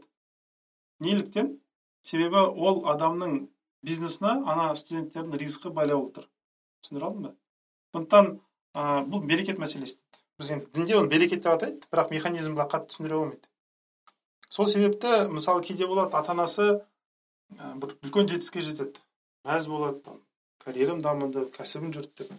Бірақ түсінбеуі мүмкін. Негізі ол кәсіптен өзінің баласы тамақтанады. Баласының құрметіне сол кәсіпке береке берген алла тағаланың оны түсінбеуі мүмкін. Ойлауы мүмкін. Мен істедім. Мен мен красавчик мен бүйттім сөйттім анаммен сөйлестім бүйттім сделка күшті өтті бүйттік сөйттік деген сияқты бірақ ол мәселе онда емес алла тағала ә, кімге кім арқылы ризықты беретінін ә, оны көп адам біле қоймайды. Сондықтан ә, егер адам шынымен де қазақта да сөз бар ғой бас екеу болмайынша мал төртеу болмайды деген. Қазақ енді қысқаша мен былай ұзартып сөйлеп жатырмын бірақ қазақ енді дана халық болғаннан кейін қысқаша қайтара салған да бір екі ауыз сөзбен. Сол сондықтан егер адам ә, берекелі болған қаласа өмірінің байлығы болсын бақыты болсын көбеюін қаласа онда бөлісуді білу керек. Басқалардың қамын ойлап басқалар пайдалы болуды білу керек. Бірақ бұл жерде бір ә, қағида бар. Біреуге пайдалы болам десеңіздер онда ә, пайдаңыздың қадірлі болғаны дұрыс. Пайдаңыздың жаңағы шынымен де адамға көмектескен дұрыс. Мысалы мен көшеде кетіп бара жатып бір қайыр сұрап тұрған адамды көрсем егер мен оған ақша берсем ол барып оған бір арақ бір нәрсе шарап сатып алса онда дұрыс емес әрине. Сондықтан біреуге көмектесер алдында ойлану керек. Мына адамға шынымен де ол көмегіне жарата ма? Немесе ол барып бір өзінің қызығын көріп жаңағы бір күнәсін немесе бір нәрсені жасап ала ма деген сияқты. Ол жағына бір қарап жаңағы соған байланысты ақылды қосып сөйтіп көмектесу жаңағы несін қарау керек та. Бұл қызық екен лайфхак негізі. Мен анау ә, маған да мысалы қайыр сұрап келген кезде ә, мысалы кейбір жағдайлар білмейсің ғой адам. Расымен қазір беремін бұл адам ішіп кете ма не не үшін жасап отыр енді. Ішкі мотивтарын білмейсің да. Сол кезде мен сұрақ қоятынмын сен ол ақшамен не істемекшісің деп. Айтады нан алғым келеді десе мен барып давай одан да саған нан алып берейін деп айтатын да көбінесе. Иә ақша емес саған заттай берейін деп. Ыыы почему то көп адам келіспейтін оған. Қызық. Жоқ ол соны білу керек. Ол өте маңызды нәрсе. Және де мынандай нәрсе де бар мысалы біздің дінімізде қайыр садақа сұрау мысалы да. Ол ы, еш құпталмаған. Мысалы пайғамбар саллаллаху алейхи не істеген ы, бір адам бір оқиға айтайын енді мыңдаған көптеген оқиғалардың бірі. Бір адам жаңағы қайыр садақа сұрап отырады сосын айтады неге сұрайсың? дейді жаңағы ну я расулаллах жанымда не жоқ? дейді жаңағы дым жоқ? дейді сосын айтады үйіңде бір нәрсе бар ма алып кел дейді да сосын айтады ой жоқ ешнәрсе жоқ жоқ бір нәрсе болу керек деп. Сосын сөйтсе оказывается жерге төсейтін не бар екен? Түйенің ескі терісі бар екен да. Өте ескі енді тапталған еш несі жоқ. Соны алып келеді сүйретіп сосын ыыы пайғамбар сұрайды. Мына теріні сатып алатын алатын біреу бар ма? Деп мен нақты несін ыыы санын біле қоймаймын үш дирхем ба сондайға сатылады. Вот содан кейін ол жаңағы үш дирхем біреуін беріп жаңағы балтаның несін басын сат, сатып алды деп жаңағы адам жібереді. Ол барады сатып алады сөйтіп барып отын жарып сөйтіп отын сатып ақша жасап сөйтіп бүйтіп өзінің жағдайын жасап алады да. Вот сондықтан ыыы пайғамбар саллаллаху алейхи ондай нәрсені еш ұнатпаған еш ұнатпаған. Және де өте жиі жағдайларда өзінің асхабына жаңағы жанында жүрген мұсылмандарға ыыы кәсіп жасауды үнемі үйрететін болған өзі бастап береді жаңағы стартап секілді жаңағы бастап береді көмектесіп жібереді мынаны былай істейсің мынаны былай істейсің деп ары қарай адам өзі алып кететін болған и былай қарайтын болсақ мысалы сахабалар ең үлкен сахабаларды алатын болсақ ең үлкен жаңағы өмірінде жұмаққа кіретіні туралы хабар берілген он сахаба бар мысалы. Он сахабаның мысалы барлығы жаңағы кәсіппен немен айналысқан? Төрт халифтің төртеуі де мысалы айналысқан. Ыыы абдурахман бин ауфты алатын болсақ мысалы талха бин убидуллахты алатын болсақ. Деген секілді сахабалар барлығы бай болған да жағдайлары болған сондай адамдар болған.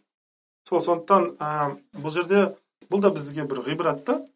Егер діннің өзі мысалы таралу үшін мысалы ақша керек болатын болса да допустим жақсылықтың таралуы үшін ақша керек болса онда ақша жасасын. Ана орыстардың бір сөзі бар ғой добро должно с кулаками дейді ғой сол секілді. Иә жақсы адам болуы мүмкінсіздер бірақ ол жақсылығыңды басқалар есту үшін сыйлау керек. А сыйламаса естімей қояды. А сыйлау үшін не керек? Определенный бір авторитет керек. Авторитет қалай жиналады қазіргі уақытта? Адамға жағдай болса ақшасы болса деген секілді. Немесе бір білімі болса деген секілді. Бір пайдасы болу керек та. Одан кейін ол бір нәрсе істей алады. А так былай ойбай адамзатты өзгертейін там жақсылық жасайын деп бірақ өзі тым еш керегі жоқ бір адам болса ол бір фантазер болып көрінеді да. И басқа адамдар да ондай құлақ аса қоймайды сондықтан егер шынымен де өзімді өз өмірімді өзгертемін немесе басқаларға да қызмет етемін басқаларға да көмектесемін пайдам тиеді деп армандасаңыздар онда ең әуелі аяққа нықты тұрып алуды сондайды бір білу керек. Және де беретін бір пайдаңыз болу керек. Адамдарға бір себеп беріңіздер. Чтобы сол себеп үшін сіздерді сыйлайтындай.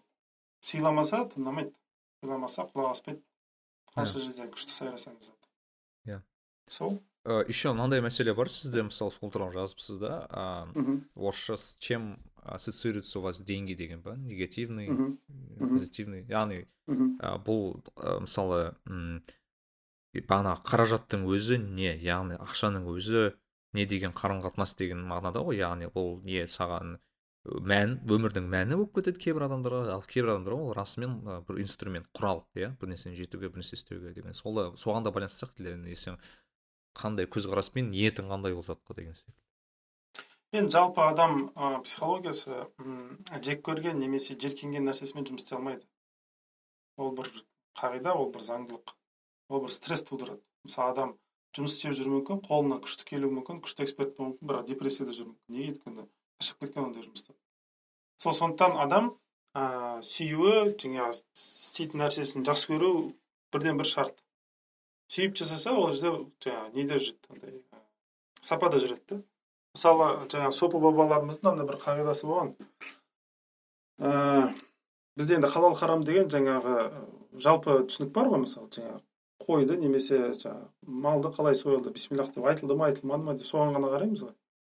Ал жалпы әулие кісілер мысалы бұрынғы жаңағы сопы бабаларымыз олар тек қана оған ғана қарамаған олар жаңағы пісірілген тамақтың қандай халде пісірілгеніне де қарады мысалы жаңағы сопылықтың бір шарттарының бірі өз әйеліне ауыр сөз сөйлемеу бұл үлкен бір шарттардың бірі өз әйеліңді ренжітпеу өз әйеліңді қинамау өз әйеліңе қол көтермеу өз әйеліңе жаңағы тиіспеу бұл бірден бір шарт ол шарт неге екен оның да бір себебі бар.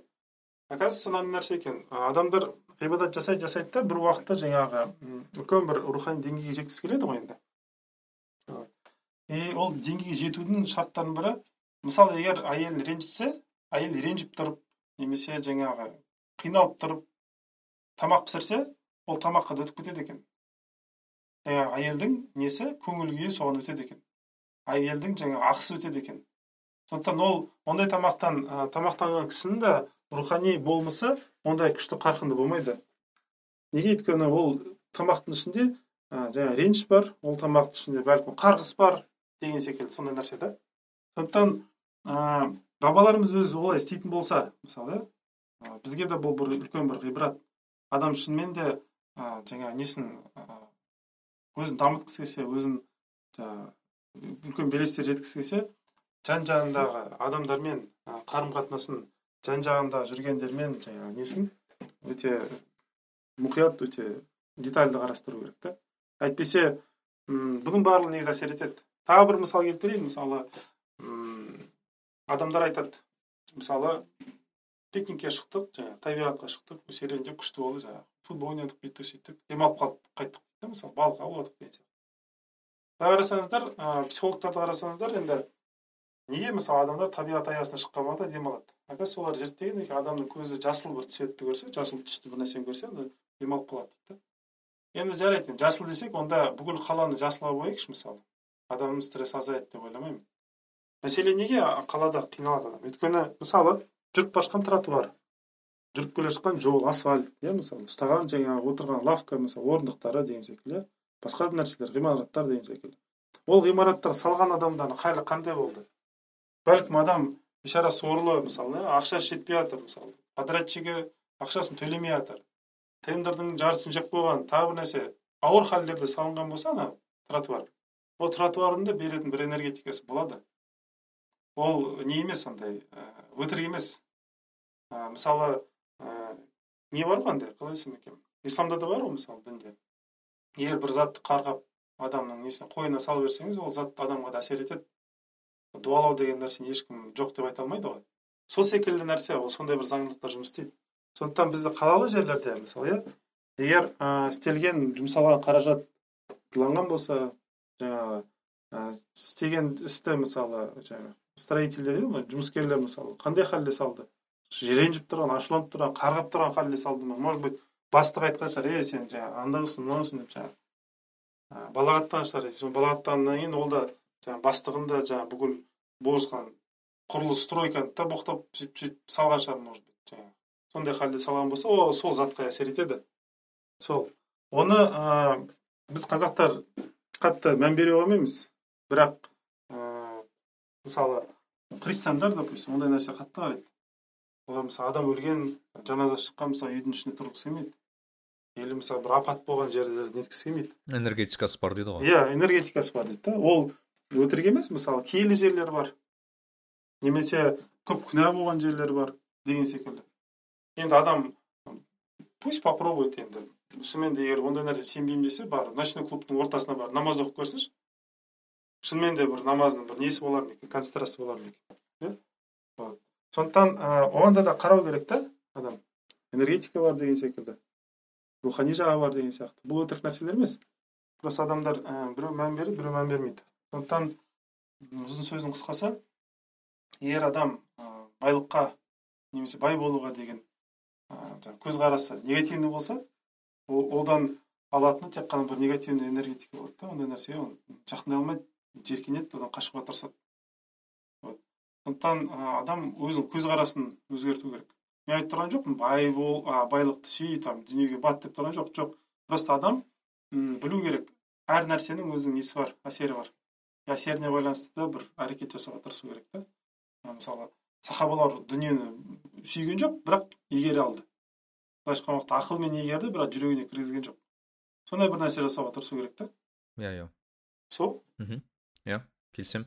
Мен өйткені анау ә, тез айтып айтқым келгені ә, мынау ә, мен бір ә, тоже бір тасауф туралы яғни бір суфизм туралы бір кітаптардың ішінде сондай жайлы айтады да. Мысалы даже мысалы ә, әйел кісі тамақ жасаған кезде дейді да егер зікір етсе дейді да керісінше яғни алла тағаланы ұлықтаса немесе осындай бір жақсы бір ә, позитив бір заттарды айтса ол да тамаққа беріледі. Яғни тамақтың өзі де сондай бір берекелі сондай бір несі болады дейді беріледі дейді да сол жағынан да бар. Иә иә бисмиллах деп дұға оқылып желінген тамақ өте күшті ғой. Оны сүннетте де бар пайғамбар саллаллаху алейhi жасаған. Нарик билай. Табиғатта мынандай мәселені қозғағым келіп еді. Сіз де уже оған алдында да осы сөйлескен едік бірақ осыны ашқым келген еді. Жалпы қазір рухани даму деген кезде мен мысалы енді подкасттың негізгі тематикасы бұл рухани даму ә, мен мысалы маған мұсылман адам ретінде рухани даму ол діннің төңірегінде болады әрқашанда яғни дін дегенде ол құдайдың айналасындағы болатын зат. Өйткені не? Өйткені бізді ол жаратты. И мен өзім сенетін затым осы да енді мұсылман адам ретінде.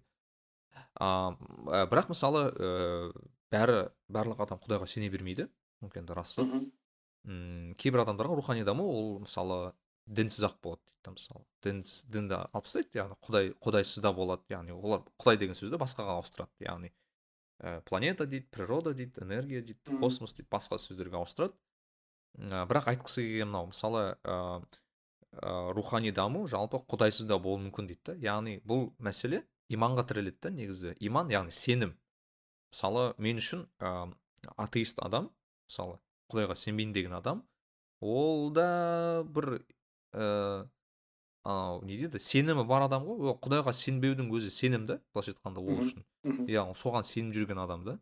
Яғни оған сен қарсы дәлел айтсаң ол енді ол сенімін саған растауға тырысады. Бірақ бірде сіз мынандай сөз айтып қалдыңыз. Яғни ә, атеист адам яғни құдайға сенбейтін адам жоқ просто құдайға құдаймен келіспейтін адам бар деп па солай келтірдіңіз да яғни иә. құдайға бір реніш реніш емес енді қалай десем болады бір несі бар иә сондай бір сондай заты бар деп адам деп айттым. Осыны бір ашып бере аласыз ба? Қалай ол жалпы ә, ну, болады?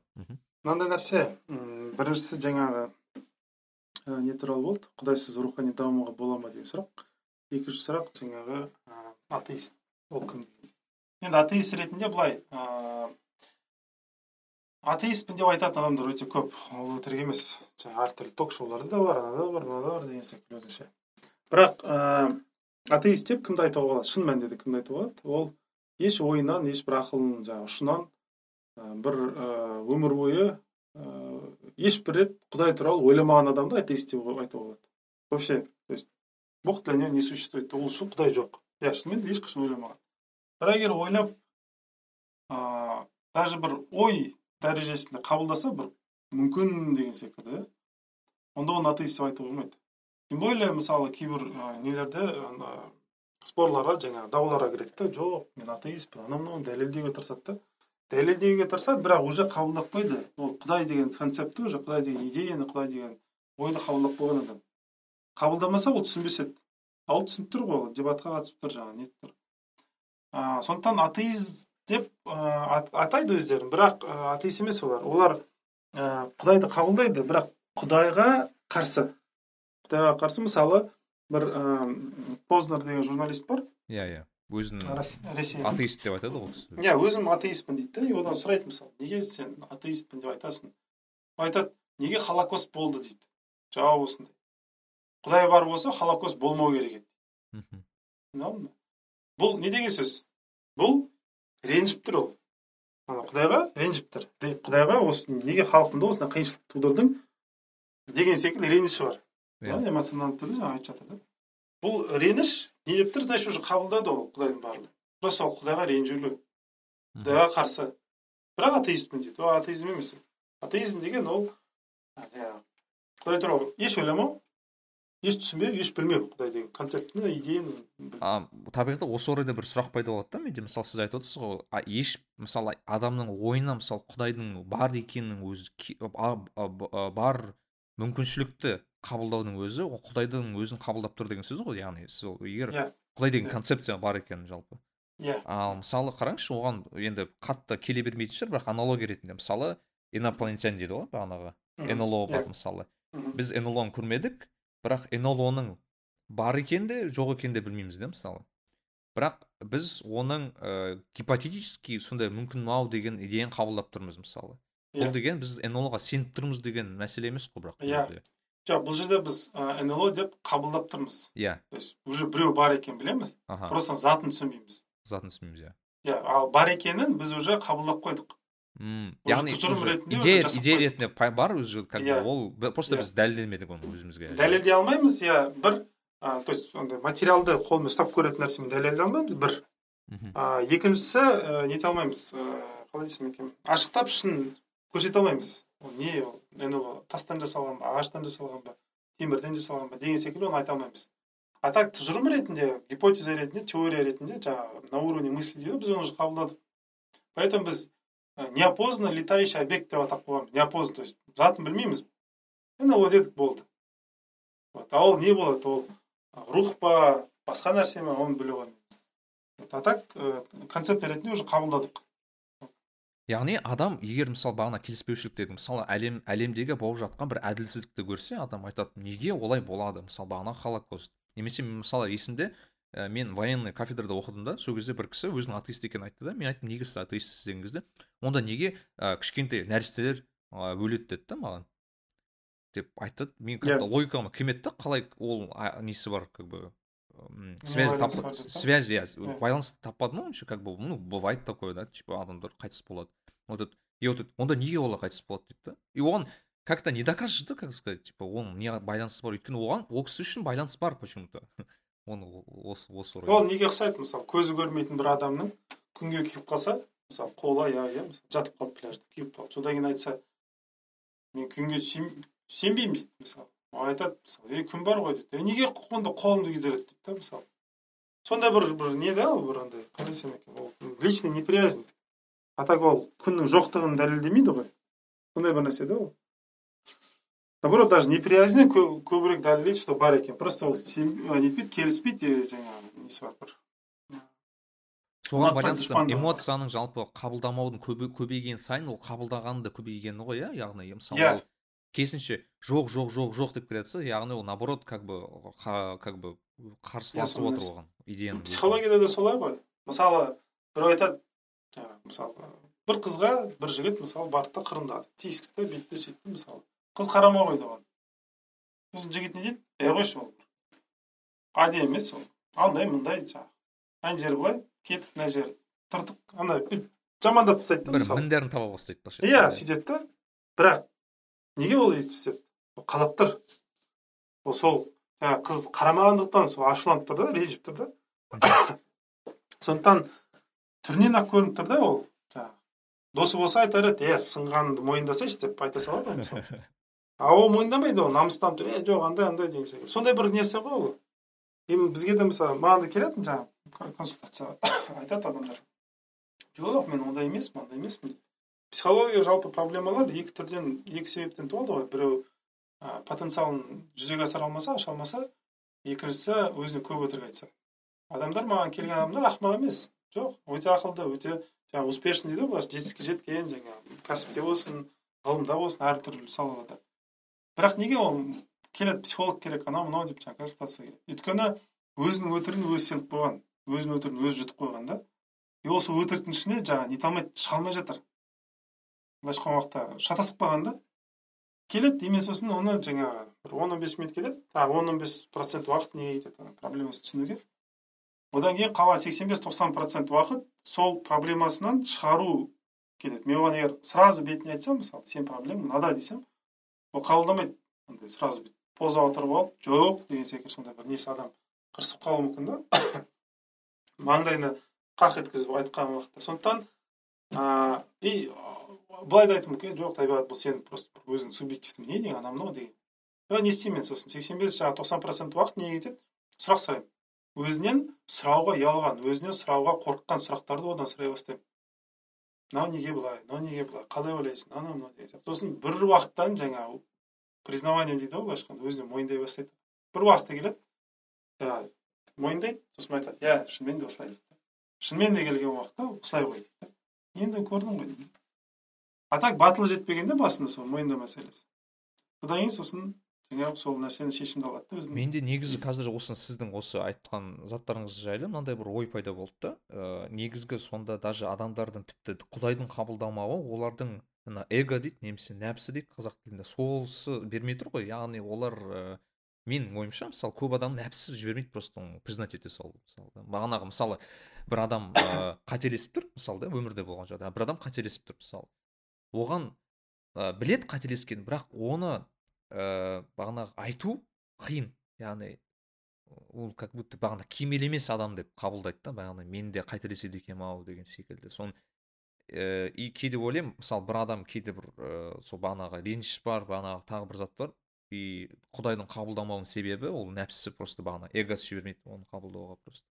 Тәкаппарлық қой мхм өзінің эгосы өзіне құдай болып кеткен. Иә иә. Мхм ал жалпы мысалы қараңызшы ә, сіздің бір постыңызда жақсы бір тема қозғалды да осы тақырып ә, елдің дамуы дамымау деген затына. Мысалы ең көп қоятын сұрақ бағана атеисттер қауым, қауымдастығынан маған келетін немесе сізге келетін сұрақтардың бірі. Жалпы мұсылман адамдарға қоятын сұрақтың бірі. Вот қара дейді.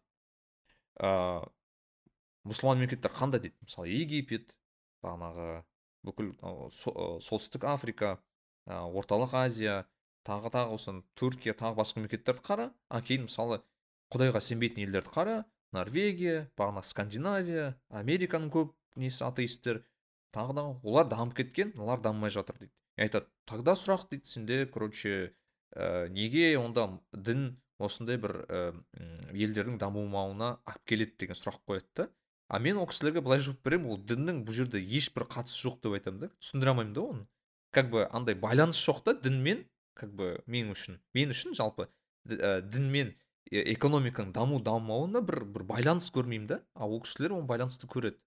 Жалпы ол байланыс бар ма әлде жоқ па расымен? Жоқ ондай байланыс жоқ бірақ мынандай нәрсе бар.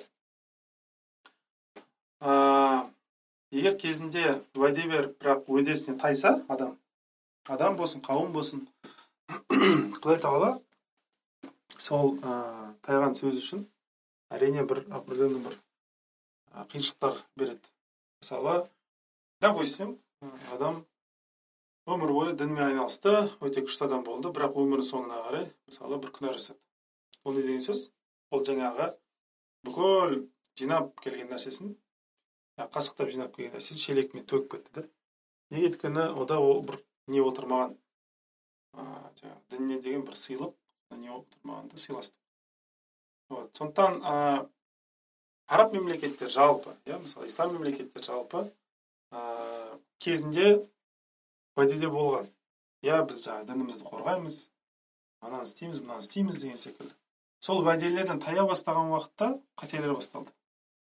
Былайша айтқан уақытта әділеттікті орнатамыз бір бірімізге мейірімді боламыз бір бірімізді дәріптейміз деген уәделері неғұрлым алыстады сол уәделер соғұрлым батты. Жаңағы былайша айтқан уақытта өзінің жаңағы құндылықтарын алыстаған сайын батты. Бұл ә, не значит то что ислам дінінде проблема? Жоқ ол емес. Просто ислам дінін қолдап қолдамауда проблемасы. Ислам дінімен өмір сүре ме сүрмей ме? Сода мәселе да проблема. А так аят пен хадистерде ашықтан ашық айтылған адам жетістікке жету үшін не керек? Бату үшін не керек? Барлығы ашықтан ашық айтылған ал батыс мемлекеттері неге алысқа кетті? Батыс мемлекеттері қарады ислам мемлекеттердің кезінде бағдат мысалы зәулім күшті жерлер болды ғой білімі де басқасы да деген секілді батыс не істеді сол білімді барлығын алды өздерін игерді вот и соответственно сол үшін жаңағы нетті үлкен бір жетістіктерге жетті да алла тағала барлығына бірдей қарайды бірдей қарайды дегенде мысалы гравитация деген нәрсе бар иә мысалы жер жаңағы тартылыс күші ол жер тартылыс күші жаңағы сен мұсылмансың кәпірсің анаусың мынаусың деп қарамайды ғой. Барлығын тартады. Сол секілді адамның заң алланың қойған заңдылықтары адамның үстіне қойған заңдылықтар ә, барлығына әсер етеді. Егер адам еңбекқор болса ол қарамайды. Тем более алланың екі есімі бар ғой рахман және рахим деген. Рахманның есімі айтады мен барлығына мейірімді боламын дейді ол иманды ма имансыз ба неважно. Ал рахим есімі айтады жоқ мен мейірімді боламын тек қана иман еткендерге сондықтан бұл дүниеде рахман есімі билейді. О дүниеге келген уақытта рахим есімі билейді. Вот сондықтан бұл жерге келген уақытта ә, бұлар неге жетістікке жетіп жатыр? Өйткені алла тағаланың рахман есімі оған беріп тұр. Бұлардың алып тұрған жаңағы несі? Нәсібі, нығметі ә, рахман есімімен келеді. И алла тағала барлығын бірдей береді. Егер еңбекқор болсаң жаңағы фокус концентрациямен до конца соңына дейін жаңағы бассаң онда беремін дейді да и ол басып жатыр істеп жатыр алып жатыр. Ал бізге келген уақытта олай емес. Біз жаңағы иә құдай біздің тарапымызда анау мынау дейміз бірақ өзіміз өмірімізде құдай бар деп өмір сүрмейміз. Адам өмірінде менің өмірімде құдай бар деп шешсе онда жалғыз қалған уақытта да адамдармен жүрген уақытта бірдей болу керек. Ол қалай? Ол адамдардың алдында күшті болуы мүмкін жалғыз қалған уақытта мысалы күнәсіне батуы мүмкін. Ол мен өмірде құдай бар деп санап тұрған адам емес ол. Неге? Іс әрекет көрсетіп тұр да. Өйткені жалғыз қалған уақытта адамдар көрмей тұр ғой. Күнә жасап алады да. А құдай көріп тұрған сонда не? Ұмыту, ұмыту керек пе или ол или алла тағаланың бір уақытта көріп бір уақытта көрмейтін бір кем, кем, кемтарлығы бар ма? Жоқ ондай жоқ қой. Алла тағала ондай нәрседен ұзақ. Сондықтан ол әрдайым көріп тұрады әрдайым біліп тұрады кімнің не істегенін. Ал егер адам өйтіп құдайды алдаймын деп нетсе онда ол өзі ғана алданады да. Сол сондықтан ә, бұл жерде айтуға болмайды. Ә, бұлар мұсылман болғандықтан солай или анау деген секілді. Жоқ просто ерекшеліктер вот. И ә, жалпы батыс мемлекеттерінде де статистикаға қарасақ барлығы супер бір еңбекқор емес. Ол жерде де бар. Өзінің жаңағы арақ шарап ішетін жаңағы алкаштар да бар. Иә иә. Пособиеде отыратын безработныйлар да бар. Әртүрлі адамдар бар. Вот. Сондықтан оны бір неге каша ретінде бір жерге бір жинап алып бір бір жақты бір тұжырым жасау ол немесе статистикамен жұмыс істеуді білмеу немесе просто әдейі сөйтіп санау мәселесі да. Иә. вот. Нарик билай. Табиғат енді мен келесі бір нелердің бірі ә, тақырыптардың бірі қазір ол ә, қазір энергия мәселесі да яғни сізде видео жазған едіңіз есімізде болса осы туралы жалпы ана адамдар қазір ә, түрлі энергетиктер ішеді кофе ішеді шай ішеді тағы басқа ә, сырттай бір заттарды қабылдайды. Ә, бірақ мәселе сол адамдарда қазір неге екенін білмеймін энергия жетіспей жүреді энергия жетпей жүреді. Мысалы ұйқы сұрап жүреді таңертең ұйқыдан тұра алмайды. Тіпті мысалы қазір магия утра тағы басқа кітаптар жазылып отыр. Таңертең тұруды үйрететін прям курстар бар. Тіпті да мысалы ә, жалпы не, неге ойлайсыз как бы проблемасы неде адамдардың энергиясының аз болуы немесе адамда энерджи менеджменттің ә, дұрыс жұмыс істемеу бізде? Арман жоқ. Арман жоқ? Иә өзінің бір өзінің деген бір арманы жоқ. Бір екіншісі барлық ә, істеген өмірдің өмір бойы қуалаған мақсаттар өзінің мақсаттары емес. Ана таңертең тұрғызатын бір несі жоқ дейсіз ғой? Идея жоқ дейсіз ғой иә басында. иә ондай нәрсе жоқ. Ол ата анасының бір мақсатын қуалап жүр. Жолдастарының елі жұрт не дейді ел не дейді деп сөйтіп қуалап жүрген мақсаттар. Өзінің мақсаттары емес ол ойлайды мен өз мақсаттарым жоқ ол емес. Кейін бір шаршайды содан кейін ойлана бастайды. Сондықтан адамның ә, энергиясын болу үшін шарт арманы болу керек. Бірақ ол арман біреудікі емес өзінікі болу керек. Именно өзінікі. Бұл кезінде емес мәселе. Просто әр адамды алла тағала жаратқан уақытта ішіне қойған бір несі бар? Андай өсиеті бар. Потенциал ретінде салып қойған программа бар. Оны жүзеге асырмаса адам қиналады. Ол бір алланы алла тағала айтады мен адамдарды не үшін жараттым маған ғибадат жасасын деп. Ғибадаттардың бірі ол тек қана намаз оқу емес тек қана ораза ұстау емес. Ғибадат ол алланың адамның ішіне салған қабілеттерді ұштастырып сыртқа шығаруы басқаларға пайдалы болу егер оны істемесе тек қана намазбен енді білмеймін өйтіп өйтіп жұмаққа кіремін деуі немесе жаңағы құтыламын деуі қиындау оның бала шағасы бар туыстары бар жолдастары бар халқы бар елі бар. Жалпы жауапкершілік бар дейсіз ғой. иә жауапкершілік бар әрине. Әркімге бір несі бар? Берер бір ақысы бар. Мысалы допустим жанында досы бар иә. Егер досымен бір нәрсесін бөліспесе ол сол досына бермеді. Иә бермеуі де мүмкін бірақ досының бір ақысы бар оның ішінде. Егер шынымен дос болатын болса. Шынымен мен досымын анаумын мынаумын десе онда бөлісуді білу керек. Ал егер бөліспесе оны досымын деп айтпай ақ қойсын. Былайша айтқан уақытта айтқан сөзі мен істеген ісі бір болу керек та. Әйтпесе ол сырты бір бөлек іші бір бөлек ол ол просто алдамшылық бір өтірік нәрсе. Сондықтан адам өзінің бір арманы болу керек. Ал мысалы ше осыдан бір тоже заңды сұрақ шығады. Мысалы бағана айтып отырсыз бір адамдар мақсатпен жүреді бірақ ол мақсат өздерінің мақсаты емес немесе өздерінің арманы емес. Ал адам жалпы қалай түсіне алады? Жалпы оның ар, осы мақсаты оныкі ма және де оның сырттан былайша айтқанда алып келген мақсат па? деп олды түсіну оңай зат емес қой негізі ол кәдімгідей біраз жұмысты қажет етеді ғой негізі. Иә. Оны түсінудің өзі. Адам ә, адамның бір нәрсеге үйренуі өмірден таяқ жеумен бір пара пар келеді. Мына былайша айтқан уақытта адам әлсіз кезде үйренеді әлсіз кезде өзгереді әлсіз кезде ақылы келеді.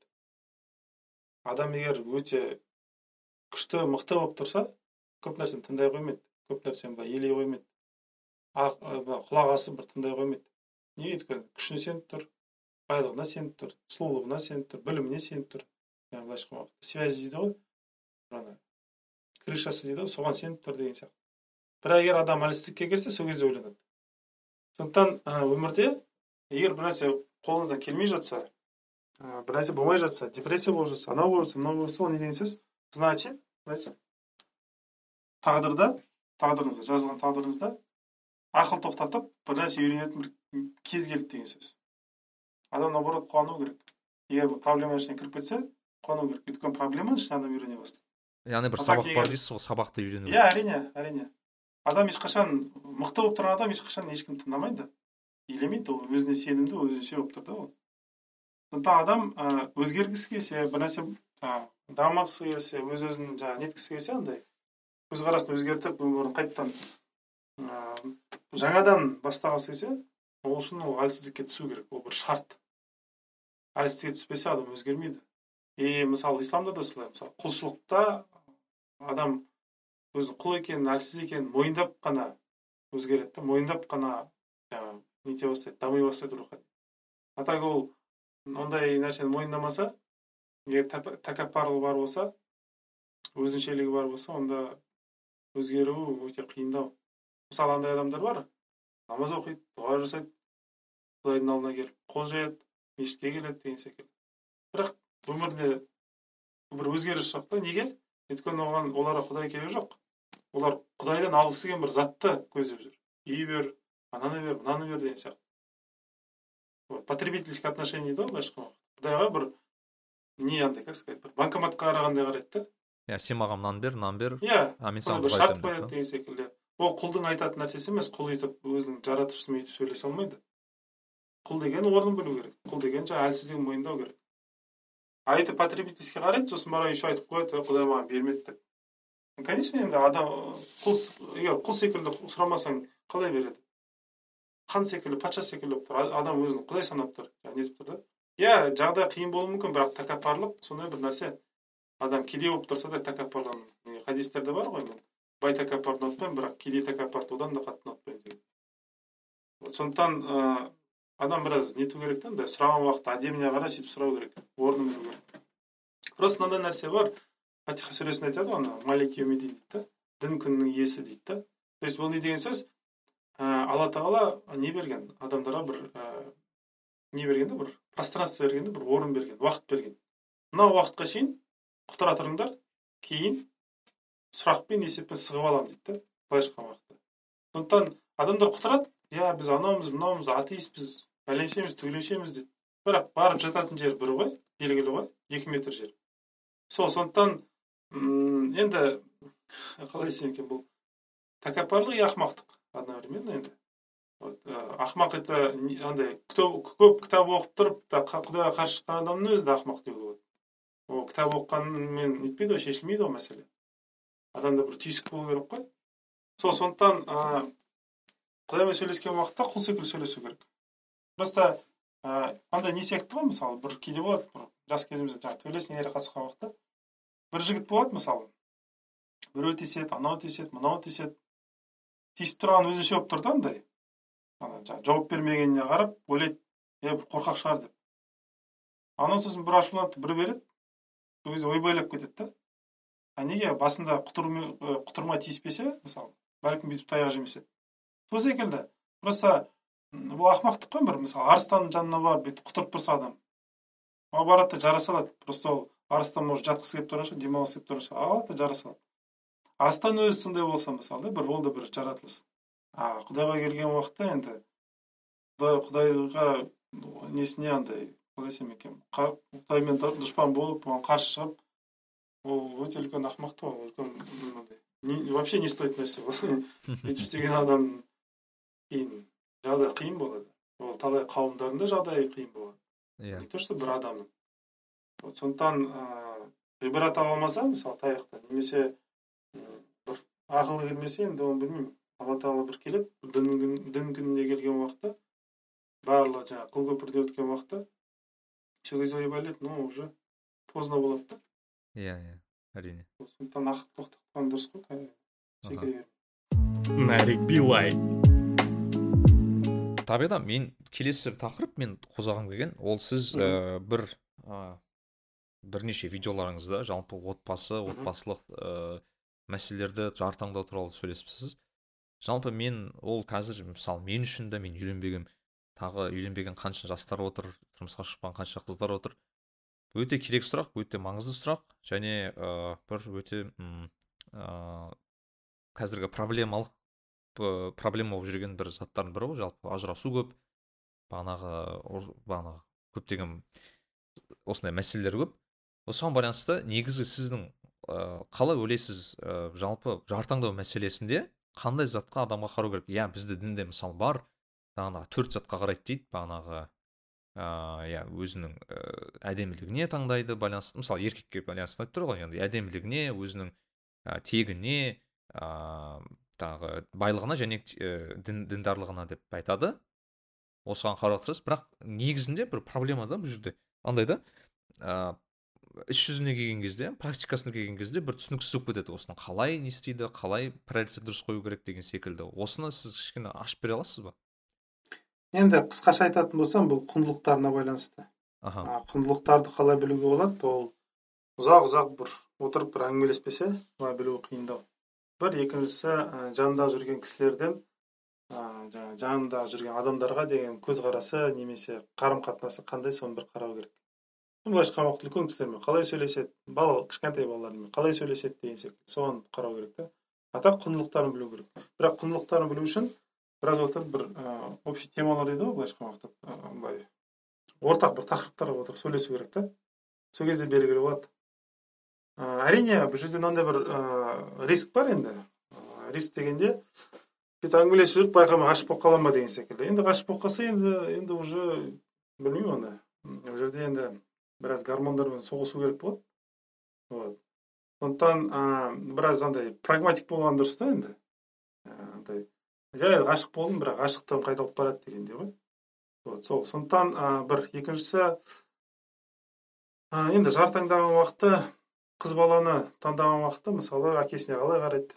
Оны бір қараған дұрыс. Егер тұрмысқа шығатын болса онда ә, күйеу бала жаңағы. Күйеуі болашақ жаңағы күйеуі. Анасына қалай қарайды деген секілді соны бір қарау керек. Әпкелеріне қарай қалай қарайды деген сияқты. Сондай нәрсе бар. Вот сондықтан ыыы басқалармен қалай қарым қатынас жасайды соған қарап маған да солай бәлкім жауап берер деген сондай бір дұрыс шығар. Бірақ енді таңдау мәселесі қиындау. В том плане то что қазіргі уақытта андай жастарда не болып бара жатыр уақыт өткен сайын алдау техникаларын жақсы біледі да.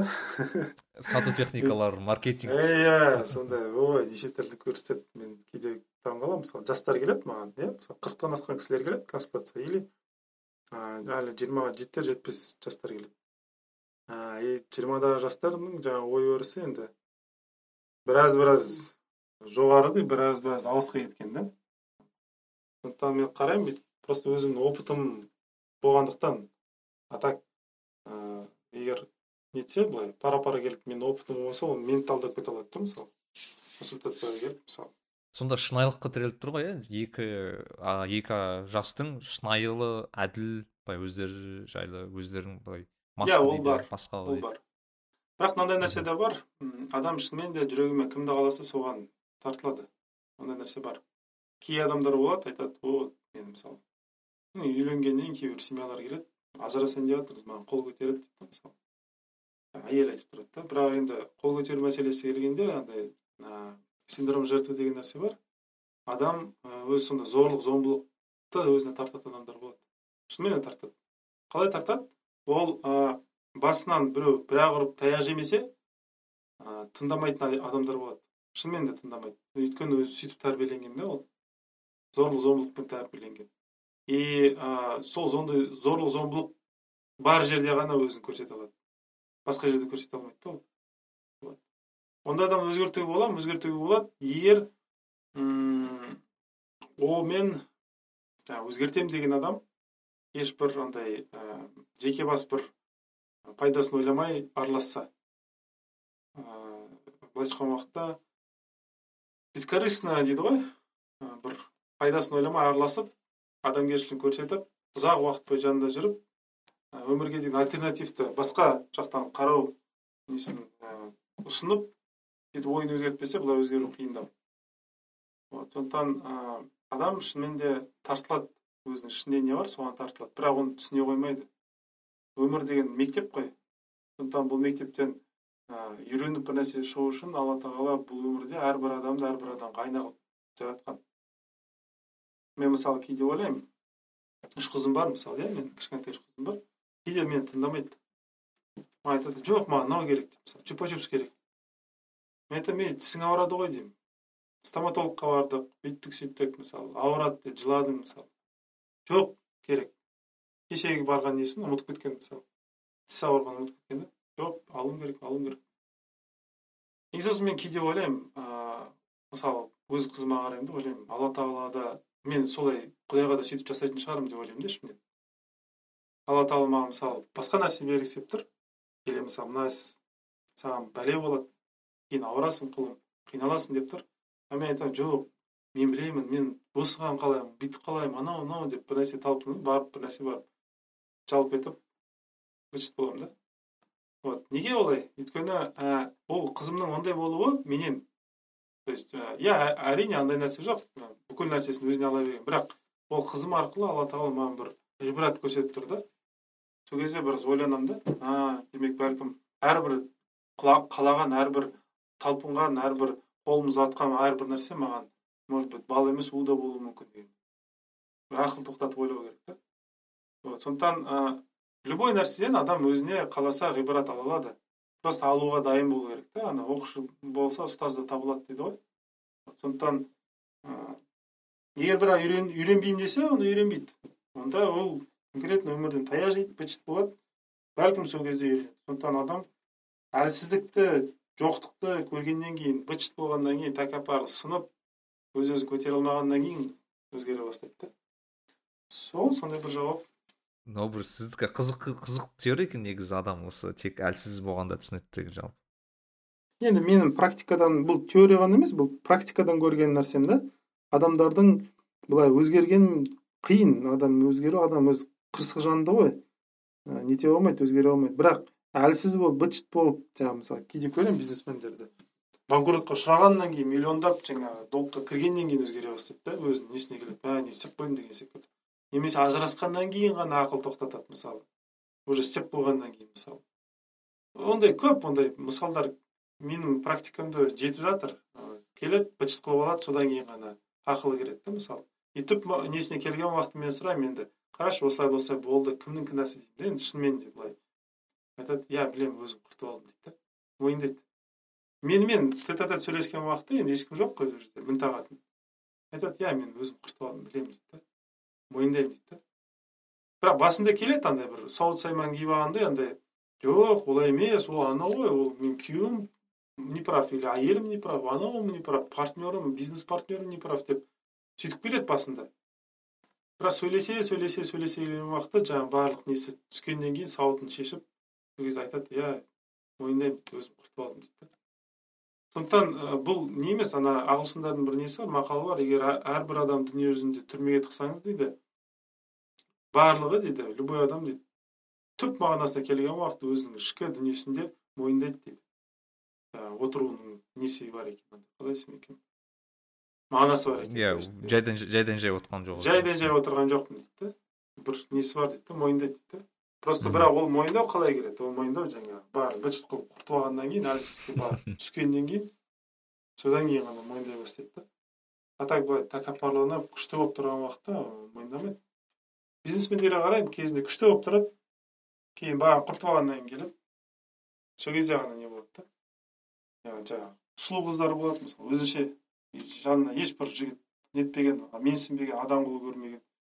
Кейін тұрмысқа шығады быт шыт болады анау мынау ажырасқаннан кейін келіп тұрады да мысалы. Ал кімге керек енді ол қазір? Баласы бар анау бар мынау бар деген сияқты.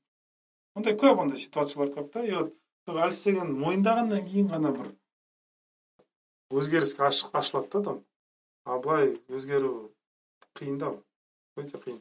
Ал мысалы болады ғой сізге ә, кейде уже бағана сіз айта бастадыңыз уже үйленгеннен кейін Мгм. әрине ә, екі жас біраз уақыт бір жерін үйреніседі туда сюда енді біраз уақыт кетеді соған өзіне мысалы да бірақ болады ғой что адамдар келеді и уже ана ажырасуға дейін барады немесе уже психологқа барып шеше алмай жүреді. Сіз мысалы бір білмеймін енді әрине обобщать ету қиын шығар бірақ негізгі ә, нелерін білесіз ба Не- өзіңіздің ойыңызша әрине ә, қандай көбіне себептер бар?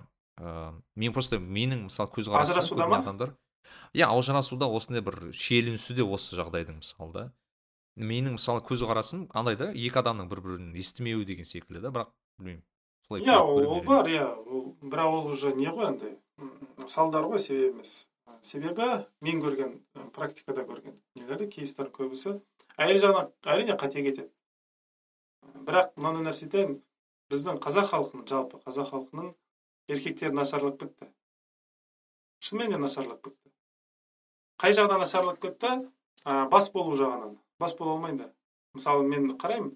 Ә, жаңағы мемлекеттік қызметкерлерге қараймын иә мысалы неше түрлі проекттер анау жоба мынау жоба. Қалай ақшаны құртып алады. Бизнесмендерге қараймын. Ана проект мына проект мына бизнес дейді да құртып алады қаншама ақшаны. Банкрот болады деген секілді. И еще статистикамен жабылады жаңағы. Әрбір тоғыз бизнестің әрбір сегізі құлдырайды это нормально деген секілді сөйтіп семьяда да солай қуаттайды сөйтіп иә сөйтіп нетіп қояды енді өзін ақтайды ғой мойындау қиын кейін ііі ажырасқандар да солай мысалы көбісі өзінің отбасына жаңағы еркектердің көбісі өзінің әйеліне бас бола алмайды да. Стоящий еркектер өте аз болып кетті. Управление вот мужское управление ғой менеджмент. Бас болу мысалы андай қалай десем? Иелену жауапкершілік деген секілді. Иә айтылған мысалы жаңағы құдай еркекке билік берді дейді. Билік не үшін емес анда сайтан секілді секіріп ә мен мынандай мынандай ол үшін берілмеген билік билік жауапкершілік мағынасында берілген. То есть айтылған сен ертең келген уақытта әйеліңнен балаңнан сұрасақ балаң айтады анам үйретті әйеліңнен келіп сұрайтын болсақ күйеуім сөйтіп мені бақты дейді. Барады да өзіңе сұрап алады дейді. Сондықтан олай болмас үшін ол дүниеде өзің әйелің үшін бала шағаң үшін жауап бересің сондықтан ана жақта қиналып қалмас үшін ана жақта кеш болмас үшін қазірден бастап билікті саған беріп жатырмыз дейді. И сондықтан қазірден бастап өз әйеліңе ие бол өзіңе ие бол балаңа ие бол деген сөз. А қазір еркектердің көбісі ондай жауапкершілікті алуға қатты дайын еркектер емес. Күш кішкене ана отыз жаста болуы мүмкін бірақ ой баланікі да. Ойнағысы келеді әлі. Әдемі нәрселер болғанын қалайды өмірде деген секілді. Ләззат тәтті анау мынау сондайға нетеді да бір еркек секілді бүйтіп ақыл тоқтатып бүйтіп есейіп. Білмеймін енді. Ондай несі жоқ? Салмақтылық деген. Кішкене майдаланып кетті дейсіз ғой иә? Иә иә. Страдать етіп жүреді да болмайтын нәрсемен иә бабаларымыз болды батыр. А қазір қазір қиындау. Вот сондықтан көбі проблемалардың көбі сол бастан кетеді. Жаңағы еркектердің көбісі проблемалы. Управлениені білмейді. Нені қалай не істеу керек? Уақытында заңдылықтарды принциптарды рухани материалды нелерді андай қағидаларды біле қоймайды. Біле қоймайды. И иә оның да бір салдар несі себебі бар? Неге өйткені жиырмасыншы отызыншы жылдары келді да біздің элитамыз жанбаған қырып та кетті. Иә әрине өйтіп қырылған халықтың ішінен бір батыр шығу да енді бірден бір қиын нәрсе. Онымен келісемін. Бірақ соның өзінде де енді білмесең де ұқсап бақ демекші енді бір талпыныс жасауға болады ғой. Ақыл тоқтатайық ойбай бір істейік өмір не істеп қойдым деген секілді. Адамдар не секілді иә бір компьютерный ойындарда секілді бір өмірі пауза қойып қоямын мысалы андай сохранение қойып қоямын қайтадан кіремін деп сөйтіп ойлайды да өмірді сөйтіп қарайды. Бірақ өмірде ондай нәрсе жоқ ол ойын емес қой. Енді ойын деген уақыт компьютерлік ойын секілді ондай несі жоқ? Өмірді пауза қойып қоятын да қайтадан бастайтын да ол қиындау и ең көбі мені қинайтын нәрсе ол екі адамның ажырасуы ғана емес ең қинайтын нәрсе балалардың ортада қалуы иә бұл вот ең жаман сол нәрсе. Иә. Маған келеді мысалы жиырма отыз жастағы жастар. Проблемасы неге? Өйткені кезінде әке шешесі ажырасып кеткен көбісінің. И ол бір правильный модель поведения дейді ғой өзі білмейді қалай өмір сүру керек екенін кәдімгідей андай қорқақ болып қалған нетіп қалған карьерасы жақсы болуы мүмкін сұлу болуы мүмкін бай болуы мүмкін бірақ ішкі дүниесіне келген уақытта қуысы көп. Ол еркектерде де бар келіншектер жаңағы жас қыздарда да бар ондай нәрсе. Неге әке шешесі жаңағы сондай ғой әкесі ішкен әкесі тағы бір нәрсе болған әкесі ажырасқан әкесінің там басқа қалада екінші әйелі болған оны кейін біз білдік деген секілді сондай әңгімелер өте көп. И ә, сол секілді қазіргі уақытта енді м жаңағы ажырасып жатқандар мен балаларын ойлаймын да мысалы. Ә, и олар баласын мен айтып жатқан жоқпын мен мать тереза секілді барлығын там ойбай немін деп бірақ айтқым келіп тұрған нәрсе ал ортада қалды балалар оны ойлап жатқан. Особо ойламайды. Ну да я переживаю за своего ребенка анау мынау я понимаю ему будет больно ну как нибудь наверное справится деп айтады да. Енді айналайын қызықсың сен. Үйлендің үйлендің енді быт шыт қылғаннан кейін балаға қалай жауап бересің. Ертең сосын қиналады ол. Әкесіз қиналады анасыз қиналады. Адам робот емес қой мысалы. Просто мен де шын айтамын қазіргі мысалы ә, өзім қатарлас балаларға қараймын. Ә, сол ә, ажырасқан отбасылардан келген балалардың көбіне сол ә, мысалы енді обобщать етпей ақ қояйын иә бірақ мысалы мен, мен байқайтыным еркек адам ретінде мысалы ә, әкесіз өскен ер баланың мінезі басқаша болады. Қанша иә әрине. Әрине. Анасыз өскен қыз баланың мінезі басқаша болады. Мысалы тек и бір жағынан откос кетеді да бағанағы. Иә и оны кейін ә, олардың былайша айтқанда үйленген кезде өздері үйленген кезде сол нелер шығады да қайткен иә шығады әрине и онымен уже жұм, ол кәдімгідей жұмыс адам үшін. Қайтадан бағана сіз айтпақшы модельді өзгерту керек бастағы. Иә. Иә ол көп нәрсе істелу керек. Бір екіншісі ол көп қиыншылықтардан өтіп барып жаңағы әлсіздікте өзгереді дедім ғой. Ол адам таяжиды көп нәрсе қиналады талай жылайды сөйтіп маған келіп тек қана әйелдер ғана жыламайды еркектер де келіп жылап алады. Мхм. Сондықтан ол ауыр тиеді и намысына да ауыр тиеді бала шағасына нете алмайды деген сияқты. Қиналады. Бұл әрине не секілді андай жұмысты кәдімгідей қажет етеді. Екі иә ол тек қана жұмыс емес кейбір мысалы мен ауыр кейстермен жұмыс істегенмін иә. Бірақ қазіргі уақытта мен өзім андай менторлық программа бастағандықтан бір он бес шақты адам бар солармен былай регулярно дейді ғой әр апта сайын кездесіп не жұмыс істеп тұрамын. Сондықтан мен біраз күш жағымды да энергия жағымды да біраз экономно ұстауым керекпін да а так ауыр кейстарды бұрын алатын аллаға шүкір жақсы нелер болды нәтижелер. Но қазір ауыр кейстарды ала қоймаймын. Өйткені бір ондай бір ауыр кейсті алсам қалған жаңағы он бес адамды итеріп тастауым иә. керекпін да сондай мәселе бар да. А так иә жұмыс өте көп ондай нәрсенің бір адамды аяққа тұрғызту қайтадан восстановление жасау ол ана сынған вазаны бүйтіп қайтадан иә. жинаған секілді ғой ол да бір одан да ауыр кәдімгідей жұмыс адам өте күрделі күрделі жаратылыс. Оны өзгерту қайтадан өзіне жинап алу өте қиын өте қиын нәрсе. Мхм сол. Сосын ә, тағы бір айтатын бір мәселем.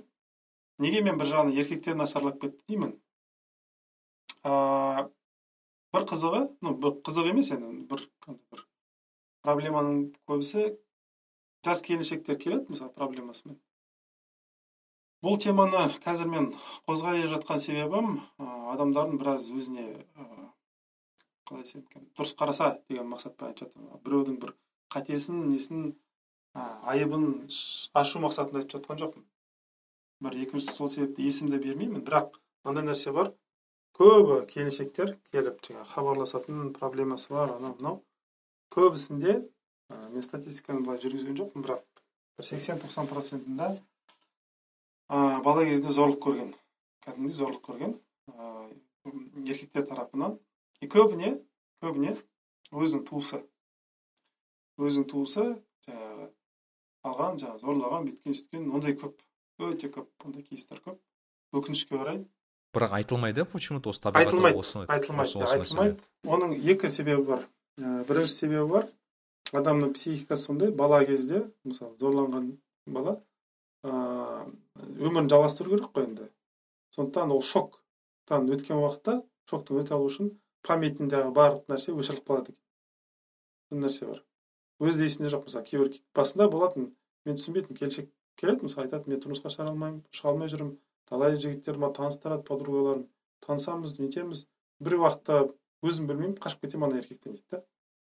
Зерттей келе оказывается бір просто бала кезінде зорланған екен да. И сол нәрсе есінде жоқ памятіне өшіріп қалған. Кейін жаңағы енді жиырма отызға келеді енді тұрмысқа шыққысы келеді ғой. Бір жігітпен жаңағы танысады. И сөйтіп танысып нетіп жатқан уақытта сол жігітте бір триггер былайша айтқан уақытта есіне жаңағы нәрсені түсіріп жібереді. Подсознаниесі сосын барып защитный реакция жасайды да. Жоқ мынамен жақындама басында там жиырма жыл он бес жыл бұрын болған оқиға қазір қайта қайталады деген секілді. Әйел қашады екен. Өзі түсінбейді бірақ қалай қашқанын. Сосын біраз жұмыс істегеннен кейін кейбіреулер там бір жарым айдан кейін екі айдан кейін үш айдан кейін жаңағы жылап жазады өздері қайтадан. Иә ағай осылай осылай есіме түсті дейді. Там бір уақыт бір мысалы бір келіншек айтты там бес жасымда көрші бір кісі нетті дейді. Біреу айтты там ә, неге? Чупс па бір кәмпит па бір нәрсе алуға магазинге кірген сол кезде бір сатушы еркек нетті дейді сөйтіп басталды да мысалы жаңағы кейстер кейін ә, ол бір екі кейс болды. Одан кейін тағы нелер басталды енді? Көп хабарласқандар сосын одан да қиын кейстер шықты жаңағы. Әкемнің інісі дейді жаңағы. Дядям дейді анауым дейді ағам дейді анау туыстар мен статистиканы көрсем көбінесе сол жақын адамдардан болады екен ғой. Иә жақын адамдардан болады. деген. Ыыы исламда да мынандай қағида бар ғой мысалы адам бір жасқа келгеннен кейін бітті.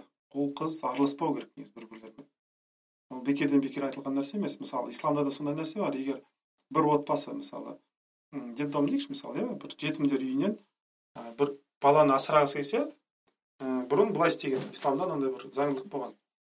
Асырағысы келген жұп мысалы иә еркек пен әйел иә күйеу мен әйел. Еркектің несіне қарайды екен? Имандылығына қарайды екен? Мысалы асырағысы келген бала қыз бала болса асыра несіне имандылығына қарайды? Егер оның шахваты былайша айтқан уақытта әйелге деген ә, желаниесі қатты болып тұрса онда оған қыз асырауға рұқсат берілмеген. Неге? Өйткені ана асыранды қызға бір нәрсе істеп қоюы мүмкін деген қауіп болған. Түсіндіре алдым ба? Иә иә иә. Бұрын бұрын сондай қатты қараған. Именно м, бір жарым екі ғасыр бұрын жаңағы ислам тарихын алатын болсақ сөйтіп қарайтын болған. Вот сондықтан ә, бірінші қарайды жаңағы еркектің ә, сондай бір ат, атағы бар ма не бір шатағы бар ма деп қарайды бірінші. Егер ондай бір слабости болса әйелдерге де слабость болса оған қыз баланы асырауға мысалы рұқсат берілмеген. Өйткені білген что бір нәрсе істеп қояды деген сияқты.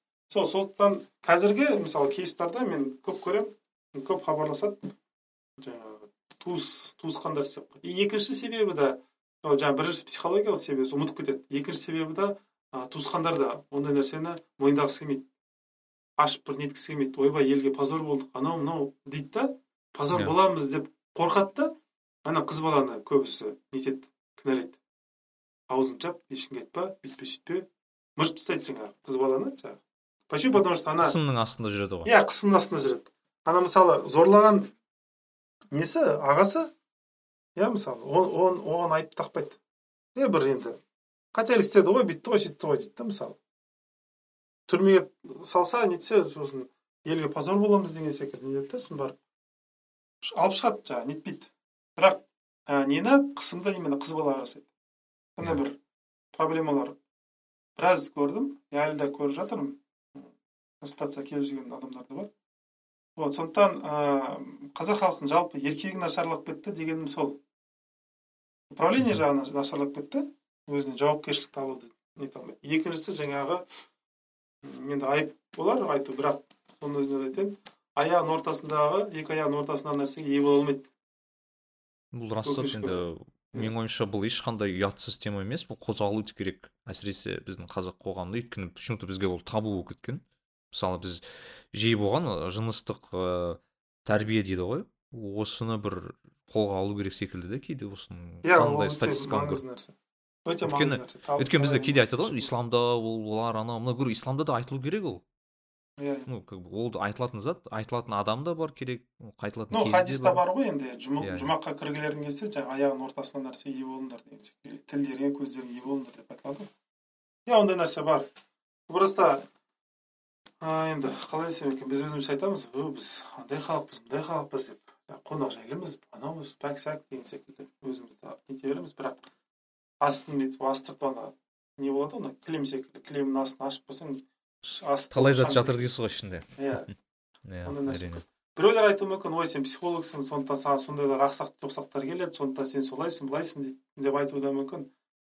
Оларға айтарым енді қалай десем екен бір нәрсені біреу біреуге айтпаса это не значит ол жоқ. Просто сіздер білмейсіздер естімейсіздер а так. Ол бар ғой мынау секілді. біз отырмын жақында тоже бір кісі америкадағы студенттердің арасындағы әсіресе студент қыздардың зорлануы көп екен да негізінде. Студент и именно американы келтіреді да. И андай бір ой пайда болады да значит америкада типа қауіпсіз ә, қауіпсіздік жағы онша емес деген секілді ше өйткені зорланып кетеді анау кетеді а олар түсіндіреді да ол ыыы статистиканың жоғары болу себебі американдықтар оны есептейді. В смысле ол ашық информация ол, Иә, иә. яғни олар жаппайды. Просто басқа елдерде оның жоқ болу себебі ол айтылмайды просто. Как бы бүкіл жерде бар зат просто мысалы кейбір мемлекеттер оны ашық жариялайды кейбіреулер ашық жарияламайды. И как будто бағана иллюзия пайда болады бір жерде ә, андай қауіпсіз мына жер қауіпсіз емес деген секілді. Біз өзі қазақ сондаймыз ғой ойбай ел не дейді жұрт не дейді тыныш отыр. Үніңді өшір анау мынау айтпа деген иә үндеместен үндемей жүріп бәрін құртамыз дейсіз ғой. Иә ондай орай бар. Тағабет аға көп рахмет сіздің осындай керемет ыыы уақыт бөліп сіздің алтын уақытыңызды бөліп келгеніңізге осындай сұрақтарға жауап беруіңізге көп рахмет. Менің сөз соңында андай блиц сұрақтарым бар өзінің ә, ә, әрбір қонағыма қоятын сұрақ өте бір қысқа сұрақтар өзіңіз білесіз ұзақ қысқа жауап бересіз. Ә, бірінші сұрақ ол ә, сіздің өзіңіз досыңызға мүмкін танысыңызға жалпы бір кісіге ә, сыйлағыңыз келген бір үш кітапты айта аласыз ба өзіңіз енді? А ондай кітап па? Ну кітап ретінде былай кітап айта алмаймын. Иә әркім біреу может банально деп айтар енді но құран оқыса жақсы болар еді деп ойлаймын. Бастан аяқ бір оқып шықса өйткені элементарный нәрселерді сұрайды а ол қалай деген сияқты құранда жазылған сосын любой бір пайғамбар саллаллаху алейхи бір өмір өмірбаянын оқып көрсін. Және де үшіншісі нені оқыса жақсы болар еді. Сахабалардың өмірбаяндары осы үш нәрсе. Ал діни емес кітаптардан әрине психологиялық кітаптарды айтар едім бірақ былай бір ойыма бір келіп тұрған жоқ. Шын айтсам өйткені шынымен де бір стоящий бір кітап пока психологияны қатты көре қоймадым басты айналдырып жібереді да психологтар көбісі психологияда өте көп қой кітаптар қазір иә оны критический мышление қоспай былай оқыған біраз қауіптілеу сөздер жағынан менен сұрайды көп кітап мен андай ойлап жүрмін даже мынандай бір рубрика ашқан дұрыс шығар бір кітап оқимын өзім сосын көрсетемін. Мына жерде ана өтірік айтып тұр мына жерде алдап тұр мына жерде шын былай деген секілді. Бір сараптау критический анализ жасап иә кішкене иә сондай бір нәрсе а так былай Иә. толықтай пока. Кеңес бере алмаймын сол мхм. иә жақсы. Ыыы екінші сұрақ. Ыыы осы соңғы бір жыл екі жылдың ішінде өзіңізге бір болған ыыы көмектескен пайдалы болған бір инвестиция яғни инвестиция деген кезде яғни бір зат кітап ыыы телефон білмеймін бір гаджет бір кез келген бір зат дүние сізге бір пайдасы тиді осындай бір өзін ақтады. ақтады дегенде енді бір сотовый телефоным бар енді. Менің жаңағы бүкіл университетім ғой енді. Барлық білімді осыдан аламын. Иә. Телефон және де принтер. Принтер деп айтар едім. Өйткені кейбір нелер болады мақалалар болады. Андай телефонның экранын көп қарамас үшін жаңағы принтерден шығарып сөйтіп оқимын да. Иә иә. Нәрсе бар. Жақсы. Екі зат шығар а наушники. Наушники қатты Иә, иә жүгіргенде керек үшінші сұрақ бұл кішкене бұл кішкене абстракт. Абстракттық сұрақ енді кішкене фантазия қосу керек болады ә, негізі айтайық мысалы астанада немесе алматыда біз кез келген бір қалада сіз тұрып жатқан ә, ең үлкен ә, баннер дейді ғой. Ә, осындай машинелер өткен кезде бір баннерлар тұрады үлкен үлкен мысалы сондай бір баннер бар. Ә, сол баннер сіздікі иә? Сіз кез келген зат қоя аласыз оған сурет реклама сөз сурет білмеймін кез келген зат қоя аласыз. Енді сіз қандай зат қояр едіңіз? Қандай бір месседж адамдарға қояр едіңіз сол жерде? Мүмкін сурет сөз тағы басқа А, қызық сұрақ бұл туралы ойламаппын бірақ мындай айтуға болады енді бұл біраз жесткий месседж шығар енді. Өлім бар деп жазуға да болады. Өлім бар. Иә. Может бір ойланар. Иә әрине. Мүмкін анау машина айдап келе жатқан адам да соны оқып кішкене иә бәрі. ремень тағып хотя бы иә менің соңғы сұрағым жеке сізге. Ә, сіздің жалпы өміріңдік бір мотивацияңызға деп айтайық па? Әлде бір м айтайық бір сөз болады кейде бір адамдарға бір өмірлік бір не береді энергия береді немесе бір жандандырады сізді бір кішкене бір күш қуат береді. Сондай бір қандай бір құрандағы аят болсын хадис болсын немесе бір кісінің сөзі болсын сізді бір сондай бір жандандырады сізді бір іштей ә, қуат береді сізге. Жақсы сұрақ енді біреуін бір бөліп шығару қиындау шығар. Ну бірнешеу деп айтайық хотя бы. Ну бір сөз ғана айтайын. Альхамдулиллах шығар шүкір сөзі мхм. Ең сол сөз деп ойлаймын. Иә бұл ең өйткені астарлап ішін ақтарсаң бұл өте бір терең мағыналы сөз ғой сол үшін Иә. шығар иә. Аллахқа шүкір деген сөз. Иә сол деп ойлаймын өйткені оның неге шүкір етуіміз керек бізде бір адам қосыла бастайды. Өйткені ә, көп нәрсе айтуға болады діни нәрседе. Бірақ адам сирек өте сирек шүкір етеді да өте сирек. Вот и ойлаймын шүкір. Шынымен де от души шүкір ететін моменттер аз болады да адам иә сол үшін от души шүкір ету керек. Иә. Иә ә, көп рахмет. Абайғат аға мүмкін сіз ә, сөз соңында тыңдармандарға айтатын бір тілегіңіз болса мүмкін бір соңғы сөзіңіз ә, айтар сөзіңіз болса ә, енді тілек ретінде не десем екен? Ондай бір екі нәрсе айтайын жаңағы. В принципе жаңағы а- басында да айттым. Екі проблема болады адам басында.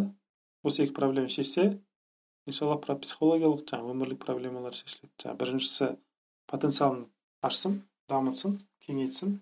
Өзіне ментор іздейді ма кітап оқи ма енді оны өзі білсін. Ыыы арманым бола ма енді арман арқылы проект арқылы ма. Екіншісі өзіне өтірік айтуды біраз доғарсын. Осы екі нәрсе айтар едім. Өйткені адам өз өзіне көп неғұрлым көп алдаса соғұрлым өзі ғана өмірден көп тайяр шыншыл болуды үйренсін. Ол дін жағынан да дұрыс. Пайғамбарлық келер алдында пайғамбар саллаллаху алейхи вассаламды шыншыл ә, садық деп атаған да барлығы. Вот сондықтан пайғамбарлықтың несі бар? Ә, шарты бар. Ол шыншыл болу сол секілді өмірде де сондай. Бірінші адам шыншыл болу керек. Мұхаммед амин деп айтатын еді ғой андай. Иә амин деген яғни шыншыл мұхаммед деп. Мхм. Сол. Иә табиғат аға көп рахмет сізге. Осындай Окей, келіп отқаныңызға тілегіңізге рахмет. ә, тілегіңізге рахмет. Ал тыңдармандарға осылай бізді тыңдап ә, соңына дейін бізді ә, ойларымызды сұрақтарымызды тыңдағаныңыз үшін сізге де рахмет. Ә, бізге бөлісіп жүріңіздер. Табиғат ағаның керемет инстаграм парақшасы бар ютуб арнасы бар. Соған жазылып қойыңыздар. Ә, бізге де жазылып қойыңыздар. Телеграм каналымыз бар табиғат ағаның да телеграм каналы бар. Барша жерде бізді жазып отырыңыздар кері байланыс жасап отырыңыздар. Ә, бәріңізге көп рахмет. Кездескенше сау болыңыздар. Сау болыңыздар. Рахмет үлкен. Нарик Билай.